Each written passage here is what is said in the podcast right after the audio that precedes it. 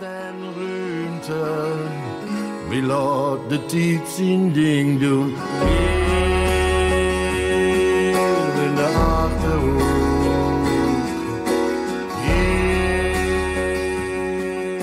Welkom bij aflevering 40 van Hallo hier Achterhoek.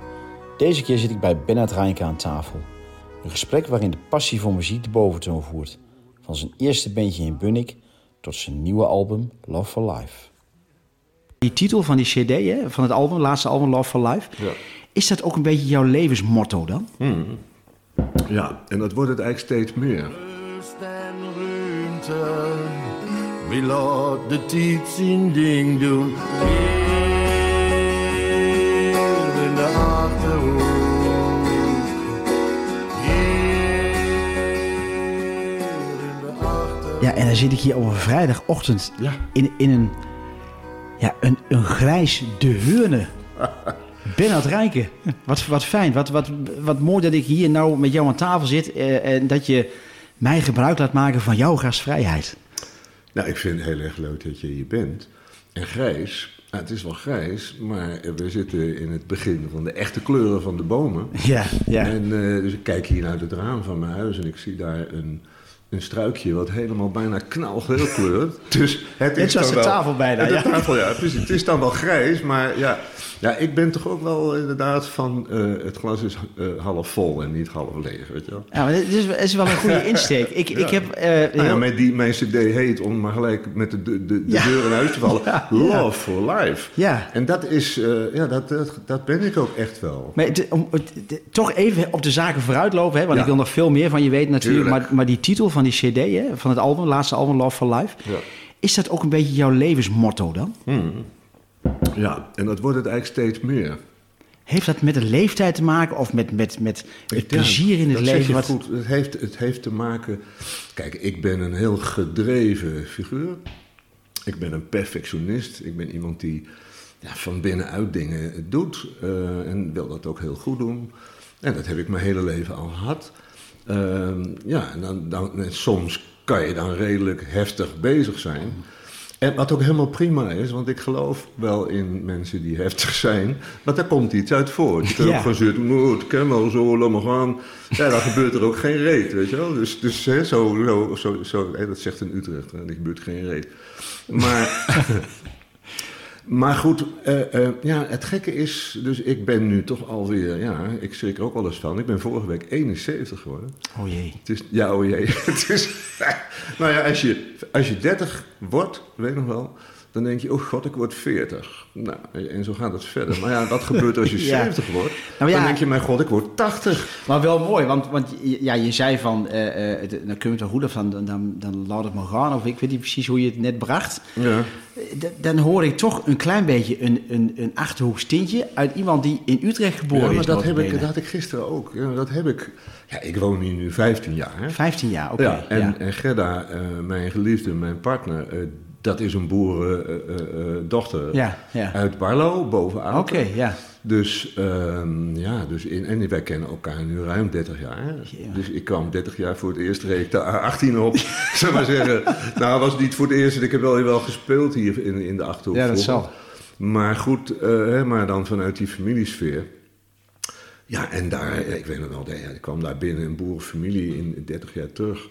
Op het platteland. Ik als Utrechter, ja, er zat een kamer met, met de vrouwen en een kamer met de mannen. Een soort keuring Ik eigenlijk. wist niet, en, en op een keuring. Nee, nou dat zeg je, maar dat was niet echt. Ik zie wel dat die vrouwen die keken me zo, oh, oh, dat kun je wel hebben. Nou, ik, ik geloof dat ik onmiddellijk de keuring wel aan die kant doorstond. En dan die mannen die beginnen je gelijk even te nokken Ja. met een paar grappen. Ja, ja. Nee, maar bedoel, kijk, ja, dat achterhoekse, ja, mij bevalt het wel. Ik, ik, eh, ja, ik hou niet van, van wat ze in Amsterdam noemen, mij, die praatjes, weet je wel. Ik hou van gewone, ik bedoel, ik heb wel veel praatjes. Dat ik, heb, ik vind het leuk om dingen te vertellen.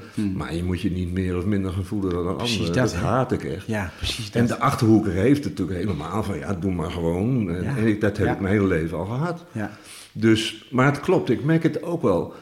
dat ik soms een, een beetje een achterhoeks toon, toonval heel Ja, maar, licht je, ja, maar daar mogen we ook trots op zijn. En dat hè? komt gewoon omdat de manier waarop iets te zeggen, soms eh, werkt dat goed. Het is heel gek. Ja, maar, ik, maar het is wel... ehm, ja, weet je, we mogen er trots op zijn. Laten we dat voorop Ja, hè? En, en dat is met ieder accent Het is natuurlijk. hè? prachtig Maar goed, land.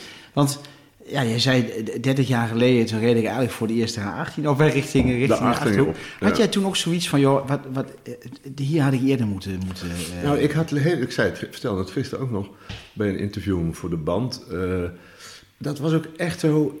Op de een of andere manier kreeg ik een soort van. Ja, wow, joh, doe eens even. Wat maakt het allemaal uit? Een soort. Dat hangt hier. Daar hangt hier een soort ontspanning. Daar hangt hier een soort. En dat, eh, als ik, ik bedoel, ik ben natuurlijk een westers. eh, ja, er, zijn verschillen. Er zijn niet, het zijn niet alleen voordelen. De achterhoeken, de westerling is directer. Is wat, eh, dat, ja, ik ben ook heel direct. Als ik iets vind van iemand, zeg ik dat gelijk. Achterhoek is, is iets indirecter. Maar goed, iedereen staat in zijn waarde. Maar als ik nu terugrij naar het westen, natuurlijk vaak kom nog vrienden, kennissen, theater, weet ik het, concerten. En dan zo bij Veenendaal beginnen de auto's al ietsje opgefokter te worden. Ede, Veenendaal. En dan bij Bunnik, Utrecht is het al helemaal raak. En al moet al helemaal niet naar Den Haag gaan of naar Amsterdam. Dan, eh, weet je, dat opgefokte. En dat is hier gewoon niet. Toen ik hier voor het eerst in Dingspelo kwam... We wonen hier nu 15 jaar. eh, ja, toen had ik het gevoel... Ik ben geboren in Utrecht en opgegroeid toen ik 12 was. Kocht mijn vader een huis in Bunnik. Nou ja. Nou, Bunnik was toen een dorpje, nu is het een heel groot Ja, dorp. ja. was toen echt een heel klein dorpje, gewoon met een pleintje en, en één slager en een patatwinkeltje, een ijskar. En, eh, ja, en dat, ik weet nog heel goed toen ik hier zo eh, eens wat vaker kwam in, in Dingspelo, dat ik dacht, ja, dat is gewoon de sfeer uit de jaren 60, 70 in Bunnik. Ja. Dat hele ongedwongen, dat relaxte. Ik bedoel, als je een, la- een laptopje in de auto laat liggen met het raam half open, nou, die ligt er een half uur later echt nog wel. Nou? Die ja. ligt er in Utrecht. Vijf seconden is die ja, weg. ja. Maar nou, nou je hebt het over 30 jaar geleden voor de eerste Achterhoek, hè? Ja. De- Je zei bij, bij Veenendaal, hè, als, je- als ik nu richting het westen rijd, dan, dan begint het al een beetje opgefokt te, Te worden met, op de snelweg. Het- waar is het voor jou dan thuiskomen? Als je richting het westen rijdt of als je weer terugrijdt richting het oosten? Nou, dat is wel grappig. Ehm, ja, kijk, ik ben natuurlijk een Utrechter. Ja, jochie. Ehm, en dat is... Kijk, het- ik denk dat het op twee levels, dat op twee levels gaat voor mij. Dus de rust, de natuur, eh, het gevoel... Ja, je hoort de vogeltjes bij. Ja, ja, ja. Fluiten, er komen momenteel de ganzen over. Dat vind ik ook fantastisch. Ik bedoel, en, en dat voel ik in de mensen ook. Dat bevalt me. Daarin voel ik me heel erg thuis in de achterhoek. En, en als je het hebt over ja, bepaalde manieren van over dingen heel diep doorpraten. Dat kan ik dan weer heel goed vinden bij vrienden van mij uit Ja, ja. Utrecht en Amsterdam. Kun je het voorstellen? Ja, ja nou... Dat, dat er zijn die. Ja, dus ik dat denk- ben ik eerlijk in. Dat Ja. merk ik ja, maar wel. dat is ook helemaal goed, hè? Ik Ja. bedoel, ja, Utrecht geboren, hè? Je zei het al, eh eh, Bernhard. Heb je een mooie jeugd gehad? Ja, een hele mooie jeugd. Ja. Ja. ja. Ik kijk echt. ja, ik had echt hele fijne ouders, hele lieve ouders. Mijn moeder was echt. Die was gewoon gek op kinderen. Hmm. Die zei: Ik ben de geboren moeder, weet je wel. Nou, wat wil je nog meer? Ja, wij woonden op een hele mooie plek. Oma woonde in huis. Oké. Wat je hier natuurlijk in de achterhoek nog Ja, veel ziet. ja. Hè, dus toen eh, hè, is de, de, de moeder van Gerda is een paar jaar terug eh, toch ook helaas, maar 94, maar toch ook heen gegaan. Maar die woonde inderdaad ook nog gewoon op de boerderij. Hmm. Ja, ja. Hadden ze de, de opkamer verleden, die werd dan haar Ja, appartement is en de deel werd voor haar zoon. En, Ja. Maar goed, dat was bij ons thuis ook zo. Het huis was van opa en oma. En opa eh, eh, stierf vroeg. En oma bleef over. En op een gegeven moment ging oma boven wonen in een paar kamers. Ja. Maar het was een, ja, nee, ik heb een hele gelukkige jeugd gehad. Utrecht is ook een prachtige stad om op te groeien. Hè. Ja, nee, ah, dat, dat, denk ik ook. zo'n mooie ik plek ook. langs de Singel, naast de Singel. Oké. Wow, ik heb daar, ja, ik kan hele verhalen vertellen over wat daar allemaal... En ik was ook wel erg van het katkwaad hoor. Ik was een behoorlijke, ik was echt een flinke Pietje Bel. Dus ik, eh, nou, alles wat een jongetje niet Heerlijk, mag hè? doen, Heerlijk. maar toch doen, dat heeft deze jongen Nou, allemaal dat- gedaan. Ja, maar dat is wel mooi dat je daar op die manier ook nou op terug kunt kijken. Hè, Ja. een mooie jeugd. Want die jeugd, d- maakte daar muziek ook al een belangrijk onderdeel van? Nou, dat zeg je. Ik, daar heb ik denk ik een hele belangrijke wortel ligt daar van mijn, eh, ja, wat er later is gebeurd. Ja, Eh, mijn moeder speelde Chopin. ja dat Niet ik. goed, Ja. maar toch wel. eh, Die speelde echt wel, ja, die kon echt wel spelen. Maar ook na lessen dan, pianolessen? Of heeft ze het zichzelf moet ook... bekennen dat ik dat eigenlijk helemaal niet weet. Gek genoeg weet ik Nee, niet. nee, nee. nee. Het was ook die, we hadden een piano staan, ze speelden niet vaak. Ze niet, ik, ik ken meer oudere mensen die iedere dag spelen. Ze speelden af en toe. En eh, met Sinterklaas gingen ze moeiteloos. En kwamen alle liedjes. ik bedoel, het, het is toch knap, hè? ik ben natuurlijk vakman. Dat je van alle liedjes zo de akkoorden even Ja, kan vinden. Het Ja. is niet slecht. Nee, maar om, omdat, je, omdat En jij... ze had een broer, oom Ja. Frits, die was jazzpianist, schrik niet, in Loosdrecht. Ja, En, en, en dat, die heb ik nooit zien spelen, eh, want die ging ook, eh, haar broer is overleden vroeg. Eh, maar dat was ja Loosdrecht. Als je daar speelde als jazzpianist, dan speelde Pim Jacobs ook. Dus dan moet je kunnen, hebben kunnen spelen. En mijn moeder zei, dat vond ik ook altijd schitterend ja maar er zit ook een jazz... eh, Daar zit een jazz scene, heel, Ja, heel erg. in die, eh, ja, ja. Loosdrecht, eh, eh, zeg maar Pim Jacobs, zeg je dat iets te Ja, ja, zeker. Rita Ja. Reis, die Ja, mensen. ja. Dat zat eh, Wim Overgouw. Ik heb één gitaarleer gehad. Eh, ja, inderdaad. Wim ja. Overgouw die zat daar ook. Ja, Ja. In Loosdrecht had je gewoon, eh, eh, ja, daar had je aan, aan een jachthaventje, had je, hoe heet die, die tent, echt met zo'n rieten dak. Daar kwam natuurlijk ook iedereen, ah, we gaan naar de jazz en, en daar is achter, weet je Ja, wel. ja, ja. Maar ik bedoel, Parkeerden hun boot daar en dan gingen ze... ja, maar we hebben dat toevallig een tweede huis, weet je wel. Ja, ja, ja, precies. Maar ik bedoel, het, maar er kwamen ook gewoon de jazzcats die daar kwamen luisteren. Ja, ja, dat was echt heel leuk, ja. Maar goed, maar... En toen ik in de, in de, in de buik van mijn, mijn moeder zat, vertelde mijn moeder dan. Dus ik was, want wij hebben vier kinderen, Ja. was, ik was de enige die schopte dan mee. Op de tegen maat? haar- op, nou, met de muziek. Ja, echt? Ja, en als jongetje liep ik te zingen en altijd te trommelen. Ik zie het trommeltje nog voor me. Ik liep echt... Ik was la la la, weet je. Ik was gewoon een kind wat, wat liep te zingen. Ja. En, en vlak bij ons huis had je... Mijn ouders waren katholiek. Had je de kathedrale koorschool op de Plompentorengracht in Utrecht. En dat was ehm, een, eh, een, een, een, een jongensschool. Je had toen nog in die tijd, dat was een zeldzaam Ja, ja, dus ja. geen gemengde school, maar een jongensschool. Dan komt toch weer het moment naar boven dat je realiseert dat je 71 bent geworden. Ik- Ja, het, nou ja, maar dat realiseer je natuurlijk steeds vaker. Als je gewoon, het is- mijn jongste leerling, eh, ik geef nog gitaarles één dag, die is 14. Nou, dat vind ik fantastisch. Mooi is dat, hè? Ja, Ja, om ja. daar dingen aan te vragen. En, Ja. en iemand van 14, die is in deze eeuw geboren. Wow. Kun je je voorstellen? Ja. Maar dat, is- ik vind, daarom geef ik nog gitaarles. Omdat ik dat veel, heel leuk vind, dat contact met die, met die jeugd. Ja. Maar goed, dat even af te maken. Ja. Ja, ja dus de kathedrale koorschool ehm, en de, eh, eh, de jongens van die school, het, het- denk aan de naam kathedrale koorschool, Mhm. Die vormden bij elkaar het koor van de kathedrale kerk op de eh, Lange Nieuwstraat in Utrecht. Ja. Eh, ja, je, ik weet niet wat je van de katholieke kerk weet. Dat heeft bisschoppen en een aartsbisschop. Ja. Dat is de hoogste bisschop. En, en die zit op de Malibaan in een waanzinnig prachtig pand. Heel chic. Eh, En de kerk die hij, waar hij de, eh, hoe heet het? Ja, de kerkvoogd van was, dat is, eh, ik kom niet op de naam, maar goed, die kerk aan de Lange Nieuwstraat. Het is maar een heel klein kerkje, maar een heel erg mooie kerk. En daar was een koor bij, een jongenskoor en een mannenkoor. En dus dat, eh, de, dat jongenskoor werd gevormd door de leerlingen van de kathedrale koorschool. En wat was de truc naast de kathedrale koorschool? De Pompdoorgracht, dus een hele mooie gracht, veel kleiner dan de oude gracht in Utrecht, maar heel sfeervol. Ja, een beetje Venetië-achtig vind ik het altijd. Ja, heel mooi. ja. En daar waren het van die, van die panden uit de, de 17e eeuw, 18e eeuw wel verbouwd. En er waren panden naast, hele grote panden. En daar zat de katholieke, Nederlandse katholieke orgelopleiding.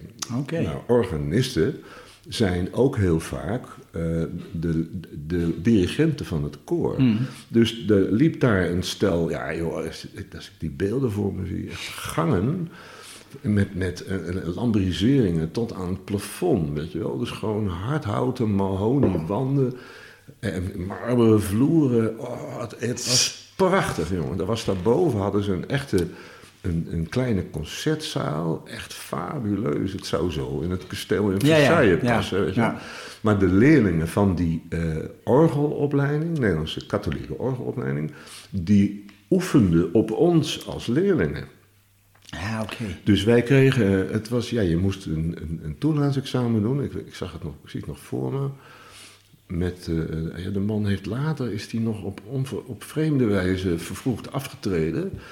Nou, je, je kent het verleden van de katholieke kerk. Ja. Met een jongensschool. Ja, Ik, ja. wij- Wij hebben één keer een reunie gehad en zeiden, heb jij wel eens iets te maken gehad? Och. Maar, nou, niemand. Maar wij sluiten niet uit. Maar in Nee, ieder geval. Maar goed, dat was een, het was een, eh, hoe heet zoiets? Zo heet dat, eh, het was geen priester, nou, ook geen kapelaan. Maar het is een soort tussenvorm die dan net niet eh, de heilige dingen mag doen, maar whatever. Ja, die kwam je ja. dan testen. Dus die, die, ze wilde noot playing, nou zing maar. Dan zong je. En, dan- en dan moest je tegen zijn, aan zijn, zijn buik prikken. Ja, dat, dat vond ik al wel apart trouwens. Ja, Ah. Begint te lachen. ja. Maar ik heb echt verder helemaal nooit, nooit niemand in de Nee, die had iets gehoord. Nee. Maar als je er achteraf denkt, maar dan moest je, dan zei hij, Ja. adem eens in, jongen. Nou, dus, ging je schouders omhoog. En dan zei hij, nee, je moet niet ademen door je schouders, maar vanuit je buik. Voel maar eens in mijn buik. Nou, wij prikken in zijn buik. De- Verder was dat, maar ik vond dat wel een andere- dacht, raar, ja, ja, ja, Iemand aan te raken die je niet kent, vond ik niet prettig, maar whatever. Maar in ieder geval, dus je kreeg een test, want je moest, eh, ik moest het, het woord, ik was zes jaar, hè, het woord chauffeur moest je schrijven. Dus ze, ze wilden, want je kreeg anderhalf uur per dag kreeg je zangles. Iedere dag. Dus, eh, ja, dus je moest een beetje aardig kunnen leren. Dus ze testen of je nou, een beetje makkelijker kon Ja, leren. ja. En of je muzikaal was. Maar goed, dus daar, ja, dus mijn ervaringen. Ik heb zelfs mijn eerste plaat daar gemaakt als twaalfjarige. Ja, en met eh, de mis van Mozart, geloof ik. Nou, dan zie je een foto. Hij is goed, kijk, staat erop. Een hele grote foto, wat een hele oké. Ja, ja, ja. En ik had een, ik heb nu nog steeds een laatste. Dus ik had een, ik heb een alt, had een alt als jongen. Dus ik stond voor de bassen. Dus moet je je voorstellen, sta je gewoon daar in zo'n kerk. In, in zo'n koor, hè, zo'n houten gedeelte daarboven of onder het orgel. En daar zong je la la la's. Hè, dus eh, klas- klassieke muziek in princi- in principe, koormuziek. En achter mij eh, stonden de bassen. En die zongen ook, ik heb dat wel eens vaker gezegd, die zongen ook Gregoriaanse muziek. En dat is a cappella. Dus dan hoor Ja, je van... ja, nu, ja.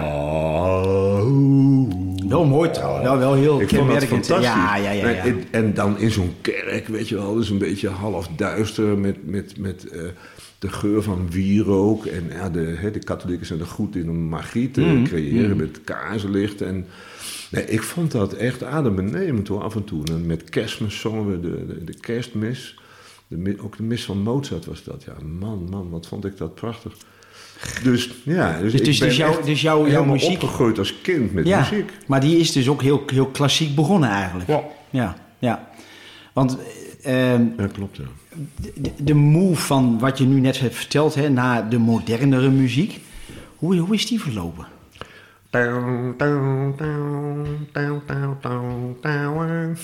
Dat is het beginloopje van This Strange Effect. Eh, Oké. Zegt jou de, Dave Barry Ja, ja, ja. Dave Barry was een zanger met van dat malt haar.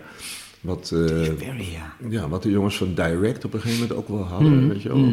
Met v- een beetje zo op, niet heel lang, van boven een beetje omhoog gedrukt. Ja, en van ja. die lange bakkenbaarden Ja. van, met, van haar. Eh, Dave Barry, mijn zus, die, jongen, die smolt als ze hem zag. Want Dave Barry, weet je wel.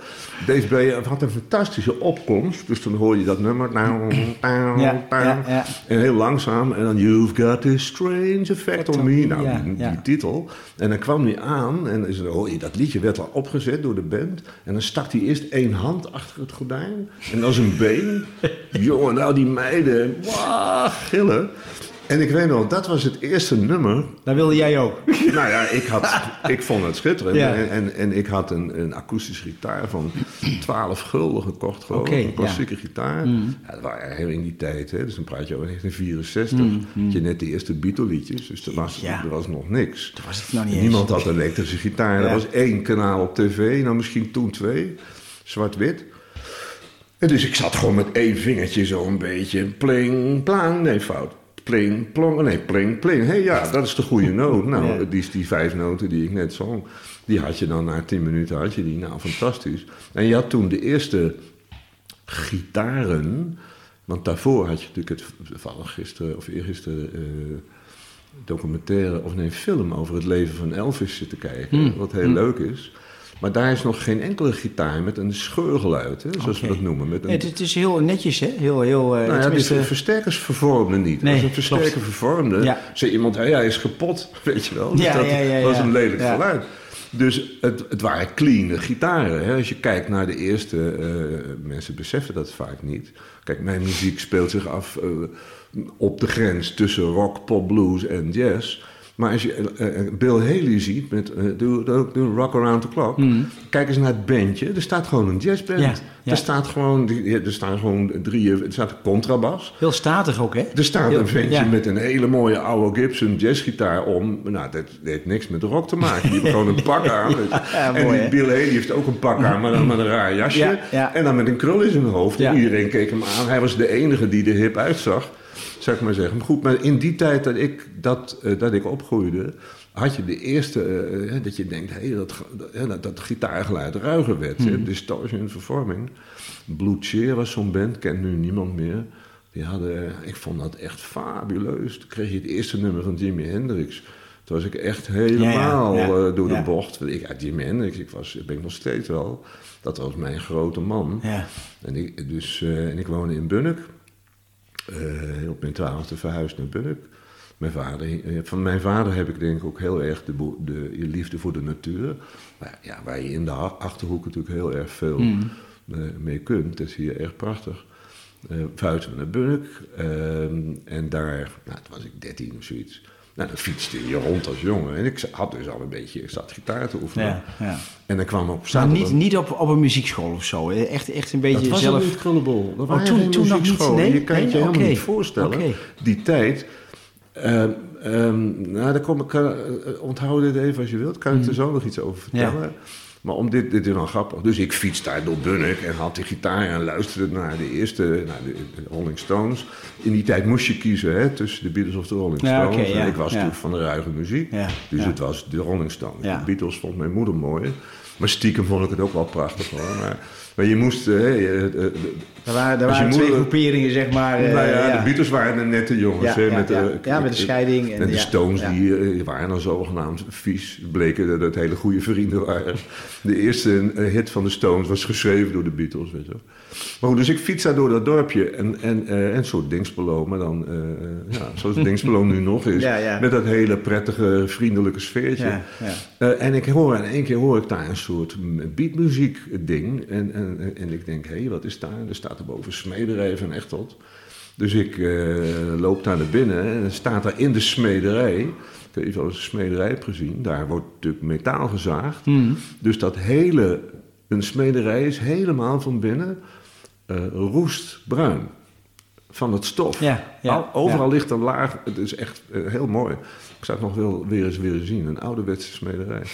En daar stond een bandje, stond daar een bandje te spelen. Met, eh, die hadden geen zanger, geloof ik. Nee, ik even niet. Een, eh, een Indo. Hè, wij noemen dat Indo. Hmm. is niet beledigend bedoeld. Nee, nee, absoluut maar, niet. Nee, nee, nee. dus nee. eh, met, van in, Indische afkomst, Ja. een, een jongen, die speelde, die speelde gitaar. Het zag er ook heel goed uit, goed haar, weet je wel. dat was belangrijk. Ehm, nee, dat was wel een zanger, ja, dat was wel een zanger, ja. ja. En, en een pianist en geen bassist.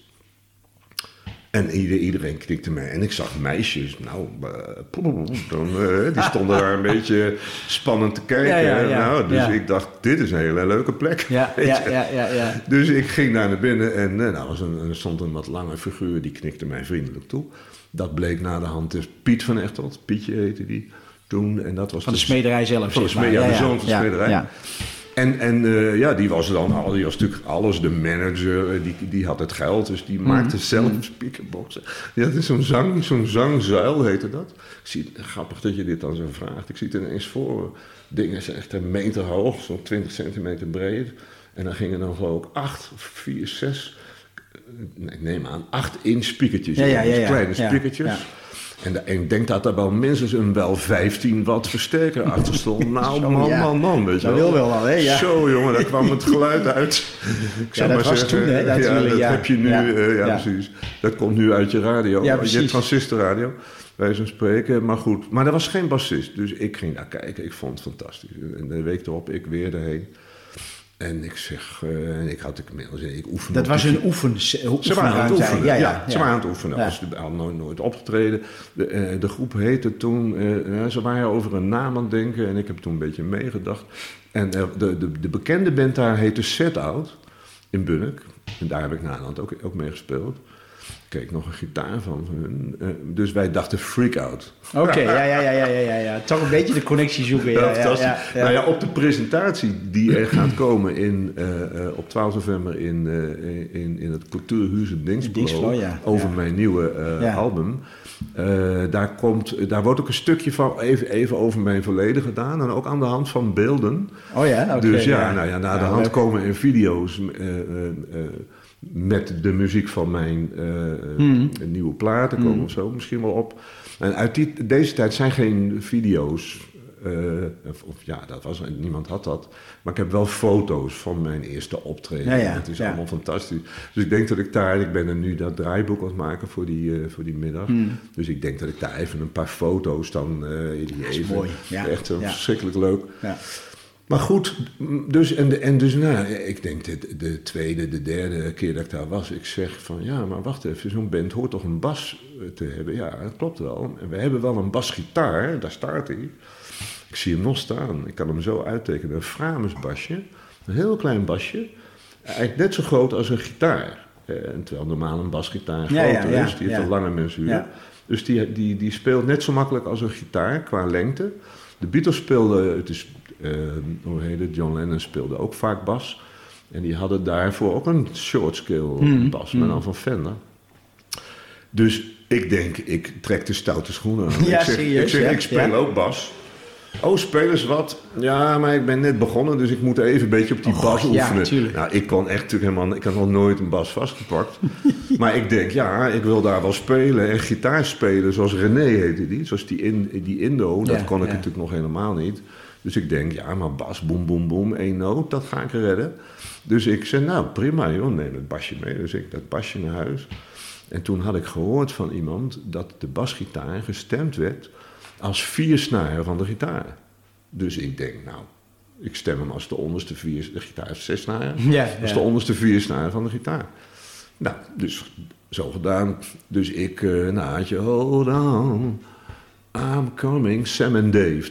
Of je dat kent. Dat Ja, is Sam and Dave, ja, Oude, ja, ja, ja. oude soul, zou je, rhythm and blues. Ja, dat zijn, boom, wel, boom. dat zijn wel bekende namen uit die tijd. Toch wel, hè? Ja, ja. De ja. boem, boem, boem, boem, boem, boem, boem, boem, boem, boem, boem, boem, boem, boem, boem, boem, boem, boem, boem, boem. Dus gewoon drie noten. Ja, ja, En dan ja. heel vaak aanslaan. Nou, dat had ik. En ik, ik bedoel, ik- ja, je moest om te kunnen spelen in die tijd goede oren hebben. Want anders dan kan je niet spelen. Want er was geen lesboek. nee. Er was echt geen leraar die... Ja, dat was daar helemaal... Nou, misschien in Utrecht. Nou, Ja, oké, denk ja, ik, ja. Weinig kans hoor dat er iemand toen al basgitaarles gaf. Maar, maar in ieder geval bij ons was dat helemaal totaal niet mogelijk. Maar ik hoefde het ook niet, want ik had goede oortjes. Dus ik, dus ik, ik eh, zocht de noten en dan... En zo kwam ik de dag erna, of de, ja, de zaterdag erop. Ik zei, nou, ik kan spelen. En ik heb eh Hold On, I'm Coming geoefend. En, je- en je mocht die bas ook meenemen om te oefenen destijds dan? Of ja, dat was nee, die, dus, nou, ze waren hartstikke blij. Man, Ja, zal, wat ja. lekker, weet je wel. En dan hoor je denk je, boe, dat dikke geluid eronder.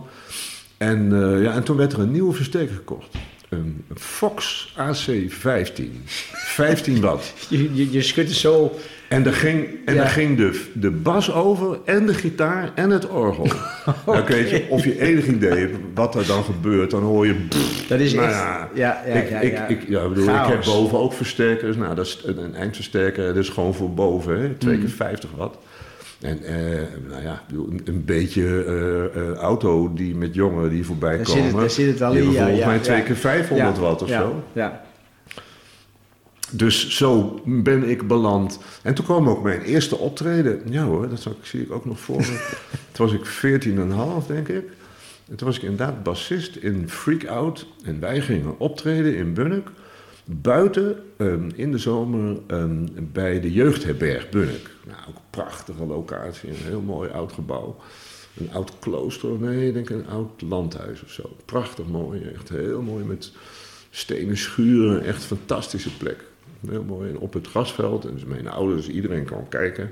Moet je je voorstellen, dus die twee keer, nou ik zou maar zeggen, die nou, laten we het positief zien. 25 watt zanginstallatie en 15 watt eh, voor de bas en, eh, en het orgel. Misschien dat dan voor de gitaar nog even een 10 watt versteker geleend was. Dus je gaat staan met die eh, enorme geluidsinstallatie Ja, en één vlaag wind en je hoort Het was- 10 meter verder al bijna Precies, niks meer. precies, dat, is, precies. dat is volkomen. Dat, dat, dat is een volume, dat kan in deze ruimte zou je dat prima kunnen doen. Dan, hoor dan is het ook bepaald niet hard. Maar, maar in de open lucht, het verwaait gelijk. Ja, dat was het begin, hè? Ik bedoel, als, als je die ontwikkeling dan ziet. Ja, ik vond het fantastisch, ja, ja. ja. Maar waren dat ook oudere muzikanten dan jij was op dat moment? 14,5? Ja, zeker. Ja. Ja. Ik ben Maar dat was geen ik belemmering verder? onder Met altijd omgegaan met de ouderen. Ja, ja, Nog steeds vrienden van mij, die, die zijn al een end in de 70. Maar, maar dat, dat kunnen we in ieder geval bestempelen als, als jouw eerste eh, ja, band waar jij toen in speelde. Weliswaar bas, maar oké. Over die bas nog wel heel leuk. Nog even één, één dingetje. Dat, dat vond ik ook zo grappig. Dus wij speelden die band. Nou, en die band dat werd steeds leuker. Op een gegeven moment was er een festival. Ja. Nou man, da- daar had je van gelezen Ja, dat dat ja, bestond. ja. Hè?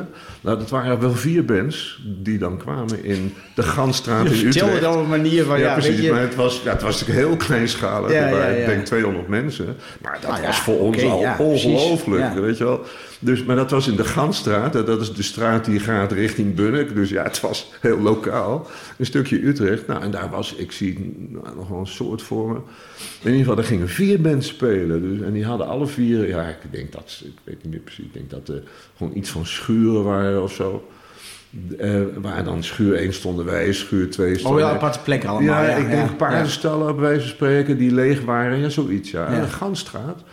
Gansstraat, dat was vroeger een markt. Vandaar de naam.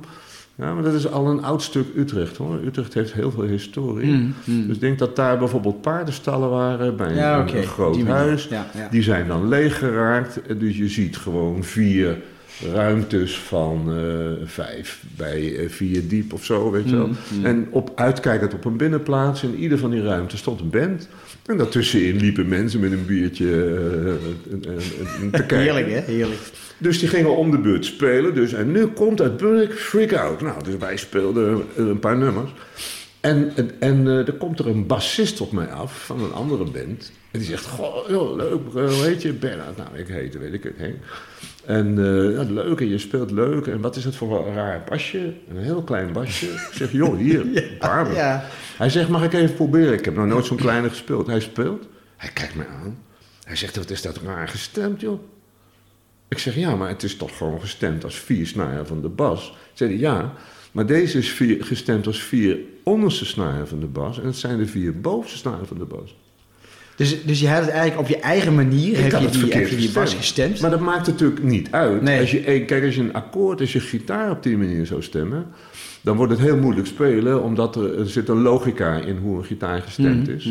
Nee, dat je, nou, dat is, is muziektheorie. Dat is theorie, dat is theorie, ja, mij ja. wel aannemen. Ja. Dat, er zijn wel mensen die ermee geëxperimenteerd hebben... maar ehm nou, bepaalde, solistisch gezien wordt het dan makkelijker... maar voor Mhm. akkoorden wordt het veel moeilijker. Maar voor het bas, die speelt bijna altijd alleen maar één noot... dus dat maakt geen bal uit. Ja, ja. Maar goed, dus ik had de bas verkeerd gestemd. Ja, maar is dat dan ook een beetje het, het gevolg van het feit dat jij dus eh, eh, de, de gitaarpartijen, hè, dus ook misschien die basgitaar wel op gehoor op een gegeven moment speelt? Want Nou dat is ik- een beetje wat jij, hoe jij er, was hebt niemand, er was niemand die mij had opviel Nee, maar, dat je die bas zo moest stemmen. Nee, ja. maar ja. het klonk wel.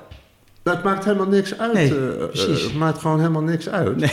Want of je die nu stemt pa, pa, pa, pa, of pa, pa, Ja, die, pa. die toonsoort, die komt er toch wel uit op een gegeven Nou, moment. kijk, eh. precies. Je, je moet je voorstellen, je speelt op een, eh, gitaar is gewoon een ding met een snaar. Dus een, een, een nou ja, ieder kind, nou ja, wij deden dat. eh, dan deed je gewoon een stuk elastiek van mama. Deed je aan een, ehm, eh, hoe heet het, aan een sigarenkistje van opa. Ja, of, of zo'n was, of zo'n wasmachine, eh, of zo'n wasmiddel eh, doos, zo'n box, weet je. Met, met, met, een, met stuk, met een, Ja, precies. precies, ja. Dan deed je een stuk elastiek en Ja, dan deed je ja. boem, dan hoorde je boem. Ja. En als je dat indrukte, Ja. als je het indrukt, wordt het korter, was de Ja. toon hoger. Heel Nou, simpel uitgelegd. Ja. Simpel, eh, zo Ja. simpel is het. Ja. Dan heb je voor ons vier snaren en, en de, de, dikste, je hebt een dikke toon en het gaat naar hogere noten. En je kan je voorstellen dat je ergens halverwege de snaar, de dikste snaar, kom je op het punt waar de snaar daarna begint. Mhm. Kun je het voorstellen? Ja, ja, ja, dat is het ongeveer. En, en het enige verschil tussen de st- het stemmen van de onderste vier en de bovenste vier snaren, afgezien van waar je begint, het relatieve begin maakt natuurlijk wel uit, is dat dan de stemming tussen de derde en de vierde snaar een halve toon verschilt. Ja. Dat scheelt een halve toon, dus het enige. Nou, als je niet anders weet dan dat dat een halve toon anders ligt, Ja. en dan pak je die noot één fret hoger. het maakt dus voor het spelen helemaal niets Nee. uit. Voor basspelen, nee. Tot zover een stukje theorie van, eh van de zover de gitaarleraar Bernard Rijk. van- Nee, maar wel mooi, hè? Ik bedoel, d- dat je eh, op die manier eh, ook weer tot, tot bepaalde inzichten komt. En, en dat je misschien ook wel denkt, hè, van, oh, dus zo zit het in elkaar. En, en het is eigenlijk niet zo moeilijk. Nou ja, dat betreft is het, werd het natuurlijk wel. eh, eh, hè, dus we praten nu over dat ik 14, 15 ben. Mm, En op een gegeven moment, eh, ja, ik speel natuurlijk gitaar. En ja, als je van Jimmy Hendrix houdt, wil Ja, je geen bas ja. spelen. Hè, laten we Nee, eerlijk nee, wezen. precies. Dus ik wil die gitaar spelen. Maar dus goed, ik- dit, dit was een uitkomst, want je kon in ieder geval in een band ik kon in een band, Ja, ik wilde dat, dat in was een band. En, ja, ja. Met, met mensen spelen Ja. was leuk om te doen. En eh, en ja, ja, dat toch. En je wilde voor publiek spelen. Nou, Ja. dat gebeurde allemaal op een bepaalde manier. Maar ik zat natuurlijk helemaal ziek te oefenen op die gitaar. Ja, ja. En dat werd toch wel vrij, vrij snel werd dat vrij eh, aardig. En eh, dat begon op te vallen in Durp. Van, nee, die kleine, die, eh, die, van Rijnke, die kan een beetje spelen. En toen eh, kwam ik in contact met... ehm, eh, Oh, toen schiet me de naam niet te binnen. Zijn moeder was dus schrijfster, een hele bekende Beckman, Rien Beckman. Ja, Rien Beckman. Na de hand, zijn moeder had het boek toen nog niet geschreven. Ik, je kent, Ja, het staat er wel eens voorbij, Beckman. ja, die, Beckman. nee, Thea Beckman is Thea een Beckman. hele beroemde Ja, schrijfster. Ze, ze is ja. ook al dood Ja. inmiddels. Thea Beckman, die, die toen ik daar eh, aan huis was, die was heel gedisciplineerd. Iedere ochtend hoorde je rikken, tikken, tikken, tikken. Oké, ja. Op een, compu- een, Ja, ja. een Op de schrijfmachine zat ja. ze te tikken. Jep, hoorde je dan. Dan ging je op Ja, ding dong. En om een uur of, eh, om negen uur, dan om een uur of elf, eh, dan hoorde je in één keer piano. Ze kon helemaal niet spelen, maar ze deed het heel graag. En dan, maar die was heel strak. En om twaalf uur ging, werd er gegeten. Ja. En om één uur ging ze weer tikken, tikken, tik. Dat mens, joh. En die schreef toen op een gegeven moment, ja, maar, eh, mama, wat ben je dan aan het doen? Hè? Dus, dat zei hij dan. Van, ja, nee, ik ben aan het schrijven een boek over een kruistocht van kinderen. Eh, nou, dat is een heel beroemd Kruistocht in boek. geworden. Kruistocht eh, ja. dat schreef. Ja. Maar hij was de zo- haar oudste zoon. En, en, en eh, zijn eh, zusje, eh, dat was eh, een van mijn grote liefdes in het begin. Mm. Marianne Beckman. Mm. eh, was ik verliefd op, jongen. Man, man, man. Ja, zo gaan die dingen. maar die jongen speelde zelf gitaar. Ja. En die had een Stratocaster van Oh Fender. jee, dat was toen al een... een Dat is de iets- Jimi Hendrix ja, precies, ja. ja, ik, heb, ik heb er nu toevallig pas één gekocht uit hetzelfde jaar. Ja. Ehm, ja, dat waren ja, zo'n witte gitaar. Ik- hij staat op de voorkant van mijn cd trouwens. Mm, mm. Niet dezelfde helaas, want die heb ik, ik wou dat ik die nog had, maar die heb ik niet meer. Maar goed, een witte Stratocaster, Olympic White, ja. ja. En, eh, nou, Was, hij, er, was er ook iets om trots op te zijn? Nou ja, ja verschrikkelijk. Ja? Man, ik wist Ja. niet wat er gebeurde. Ik keek, nou ja, hij hoorde mij spelen en ik had toen een eh, ja, Amerikaanse gitaar. Daar, had je helemaal geen geld voor. Dus je had een, eh, hoe heet het? Ik had een, een Framus gitaar. Ik zag pas nog een foto ervan.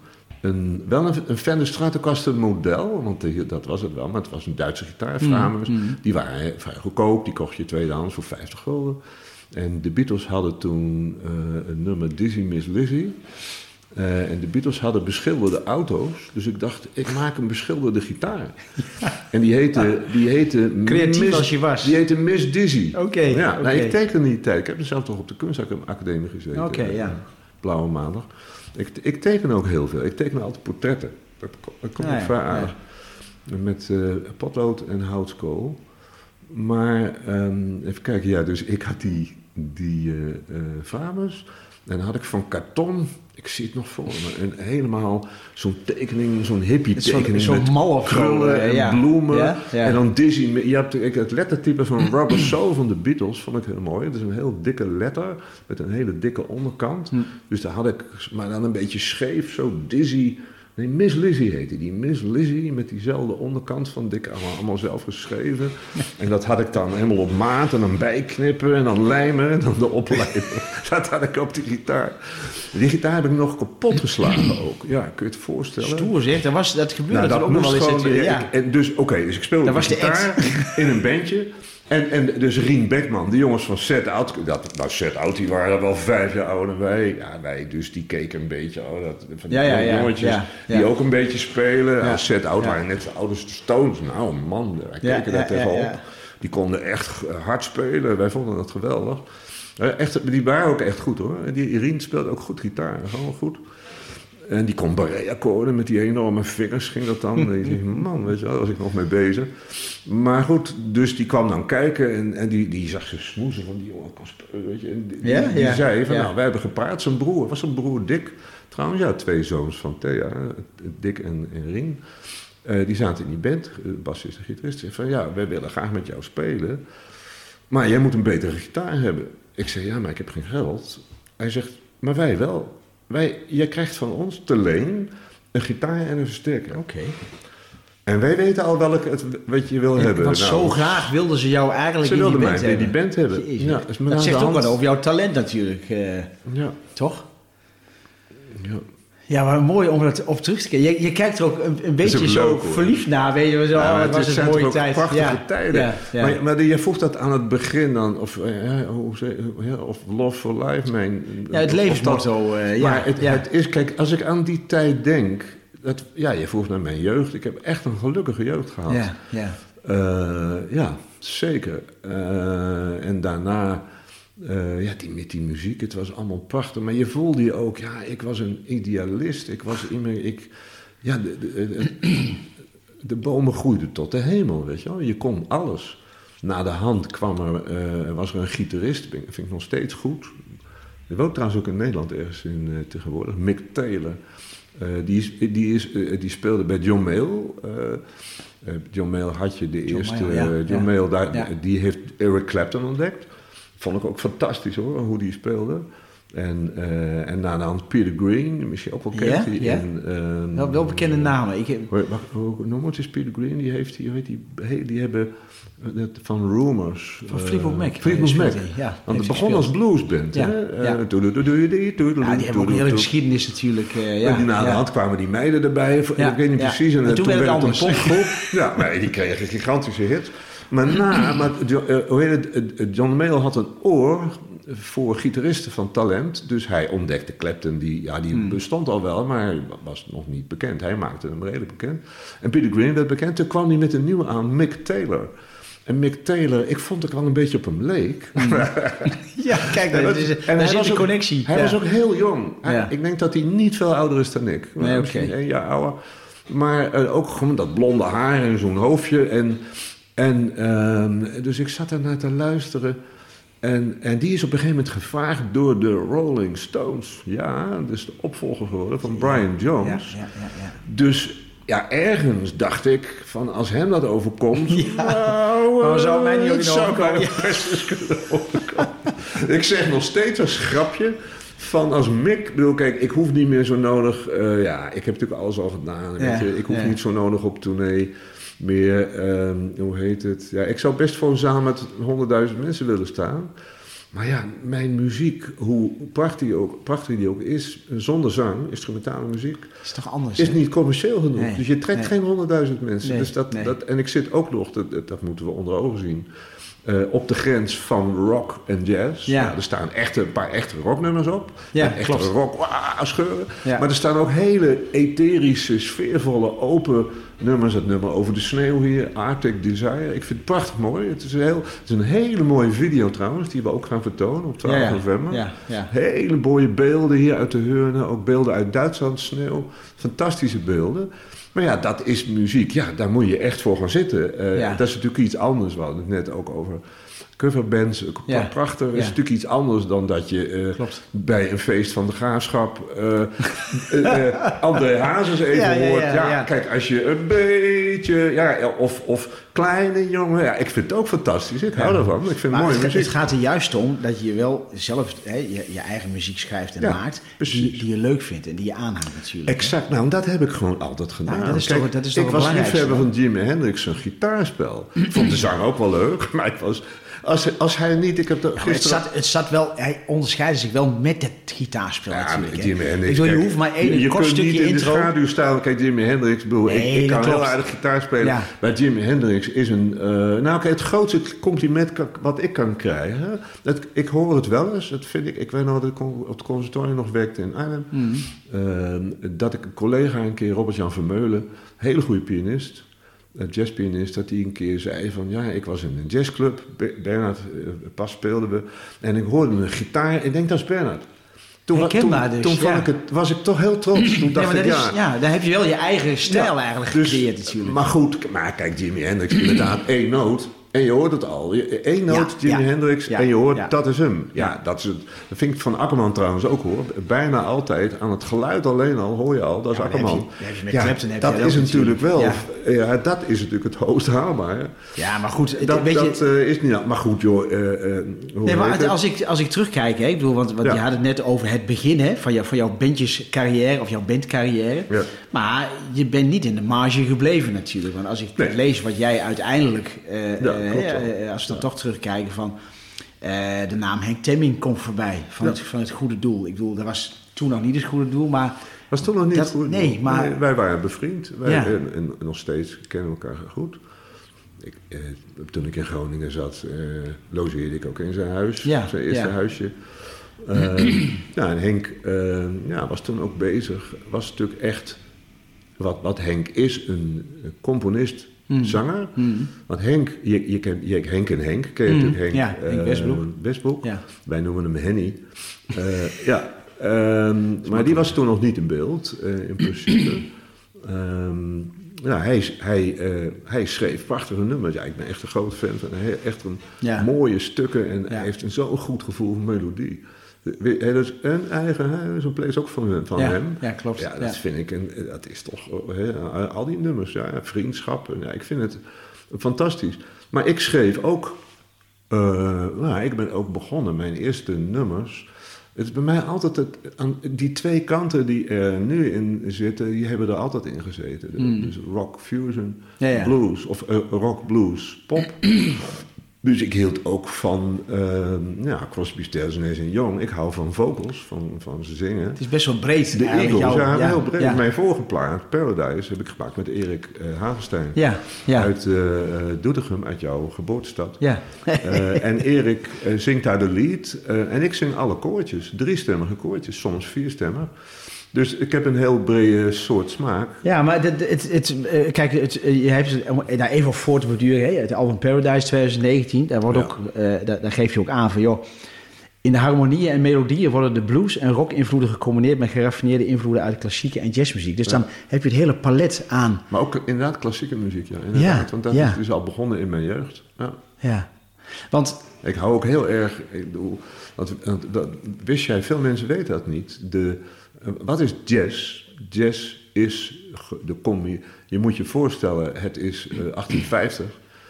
Ja, wij kennen al, hè, er is natuurlijk veel over te doen momenteel. De slaven, dus de zwarte mensen, werden uit hun eh, wereld gerukt in Afrika. ja. En kwamen uiteindelijk op de plantages Ja. in Amerika terecht. En stonden daar gewoon aan een ketting, een chain gang. Mm. Ja. Stonden ze in de grond te hakken in, in een lab. En er stond een of andere redneck met een geweer naast. En, en die kwamen met de mineur pentoniet. Dus ba, ba, ba, ba, ba, ba, ba, ba, ba, die hadden dat. Dus die gingen zingen van... Oh, Ja, ja. Cotton Fields. Dus zo, dat is de blues. ja. Maar je had tegelijkertijd in Amerika, ehm, ja, je weet, er zijn heel veel Europeanen naar Amerika gegaan. Dat waren ook voor een deel criminelen en, en mensen van lage wal. Maar ook wel wat kunstenaars. En, en zo kreeg je de vaudeville pianisten. Dus je had gewoon, weet je, die wat honky-tonk piano. Ja, hè? ja, ja. Denk aan een western. Ja, ja, dat hè. Maar eh, die hadden ook andere muziek. Dus die speelden, want dat waren vaak, ja toch ook, want je had geen popmuziek, bestond helemaal niet. Die waren natuurlijk voor een deel klassiek opgevoed eh, of, of Hmm, opgeleid. Dus die konden ook klassiek spelen. En dus die konden ook de harmonieën van de klassieke muziek, die is heel rijk. Dat is heel erg breed. Eh, ja, ik ben gek op Debussy of Stravinsky. eh, Nou ja, ja, ja. dat zijn echt, ja, als je van akkoorden houdt zoals ik, nou, dan kan ik, een van mijn mooiste stukken is La Mer van Debussy. Dat is fenomenaal. Dus het begint met ah, hele kleine melodietjes en daar komt natuurlijk een storm in voor en alle akkoorden die je kan verzinnen. Maar wat gebeurde er? Dan zat zo'n zwarte slaaf zat dan een beetje uit te hijgen eh, tegen zo'n café aan en Mm. dan hoorde hij die, die klassieke muziek van die eh Ah, ja, eh, ja. Volen die, het Ja. was het even rustig was het, of één uur s'nachts ging hij even klassieke eh, mooie nummertjes spelen. En om hem even kort door de bocht te gaan, in de jaren twintig, vorige eeuw, is de combinatie van blues en klassieke harmonieën, dat werd jazz. Dus als je kijkt naar harmonisch, hè, de harmonie is zeg maar. Ik vergelijk het wel eens met kleuren voor een leek. Mm. Eh, in de kleurenwereld heb je geel, rood en blauw. Dat zijn de enige drie kleuren die er zijn. Zwart is het gebrek aan kleur en wit is ja. alle kleuren. Ja, ja. Maar, doe je, doe je geel en rood bij elkaar, krijg je oranje. Ja, ja. Doe je geel en blauw bij elkaar, krijg je groen. Ja, ja. Dat vinden wij ook nog basiskleuren, maar zijn het al niet meer. Nee. Paars is het niet, bruin is het niet. Maar je hebt ook, nou ja, hè, kun je het voorstellen, dus zeg maar de, de harmonische, nou ja, zeg maar dat popmuziek, grofweg gezien, bestaat uit eh, de elementaire kleuren en de mengkleuren. Ja. Hè, dus Ja. geel, oranje, rood, paars, bruin, blauw. Nou, Maar- maar- maar maar, het- een momentje. Ja. Maar, maar klassieke muziek en jazz, dat is eh, lichtbruin, donkerpaars Ja. met gele stippen en een blauw randje.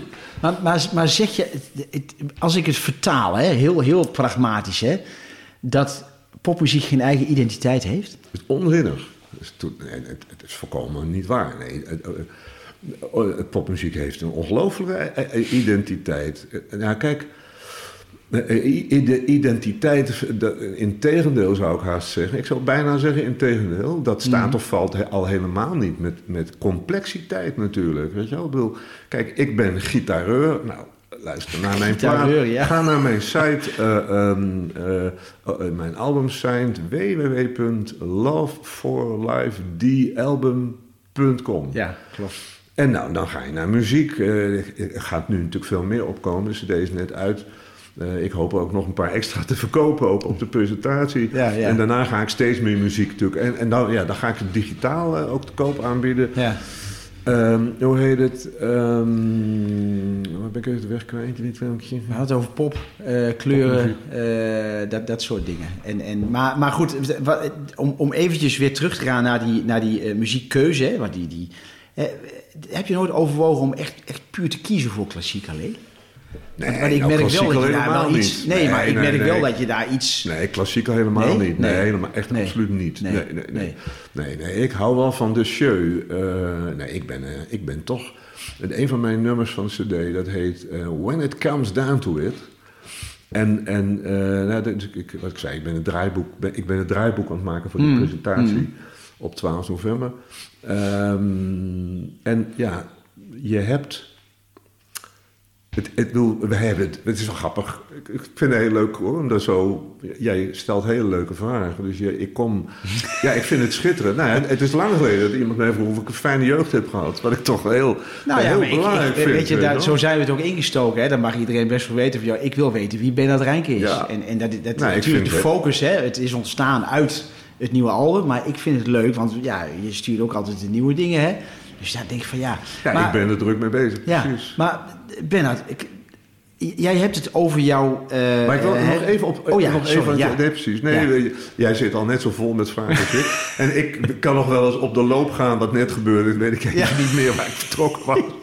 maar, maar- hoor. Precies, nee, maar dat, dat geeft niet. Nee. Nou ja, ik, vind, ik vind het natuurlijk schitterend om, of ik vind het heel leuk om, om dit zo allemaal lekker te bespreken. Ehm, nou, kijk, het, het grote verschil tussen klassieke muziek en... eh, oh ja, wat ik zei over dat nummer, When It Comes Down to It. Nou ja, dat betekent eigenlijk, als het erop aankomt... jongen, ben ik gewoon een rocker, zou ik maar zeggen. Als ik zou moeten kiezen tussen normaal en klassieke muziek... dan koos ik toch, nou wel, dat zeg ik wel... Dat vind ik wel zou- heftig. Ja, Ja, maar- nee, ik geloof dat ik toch Precies. zou kiezen inderdaad. Nee, als ik, als ik inderdaad, eh, eh, nou, normaal, laten we de Rolling Stones noemen. An- weet an- je wel. andere vergelijking, Nou ja. ja, rock. Ja, normaal. eh, Oké, als, als ik zou mogen kiezen, ik ben echt een enorme Stones-fan. als ik zou kunnen kiezen tussen de Rolling Stones en, nou, dat is nog een hele. En, en dus ik zou nooit meer Debussy mogen horen of Stravinsky. Want Bach zit me verder zelf Nee, niks. maar, zeg maar zeg maar de, de, de, de, late romantic klassieke muziek. Dus de, eh, eigenlijk is dat de, de heel complexe qua harmonie. Ja, daar kijk ik op. Dat vind ik echt fantastisch. Mm, Zeg maar eh, hè, 1860, 70, 80, 1910. Eh, om dat nooit meer horen. Of nooit meer Jimi Hendrix of... eh, de Rolling Stones. Nee, maar- ik geloof dat ik, als, het echt, als ik echt maar één ding zou mogen, dat ik dan toch voor de rock zou kiezen. Ja. Ja. Ja, maar ik... en niet is- voor de gezin. Maar goed, even. Dus, Ah, maar die vraag wordt ook gesteld. Mijn Ja, hele simpele vraag, Ja. waarom ik eh, eh, eh, eigenlijk helemaal nooit, echt never klassieke muzikus zou kunnen zijn en willen zijn, is, en het gaat om het rhythm. Eh, eh, klassieke muziek heeft geen tempo. Dus je zegt van wow, two, one, two, three, four. Het is- het is- en zelfs ja. als het een ballad is, Ja.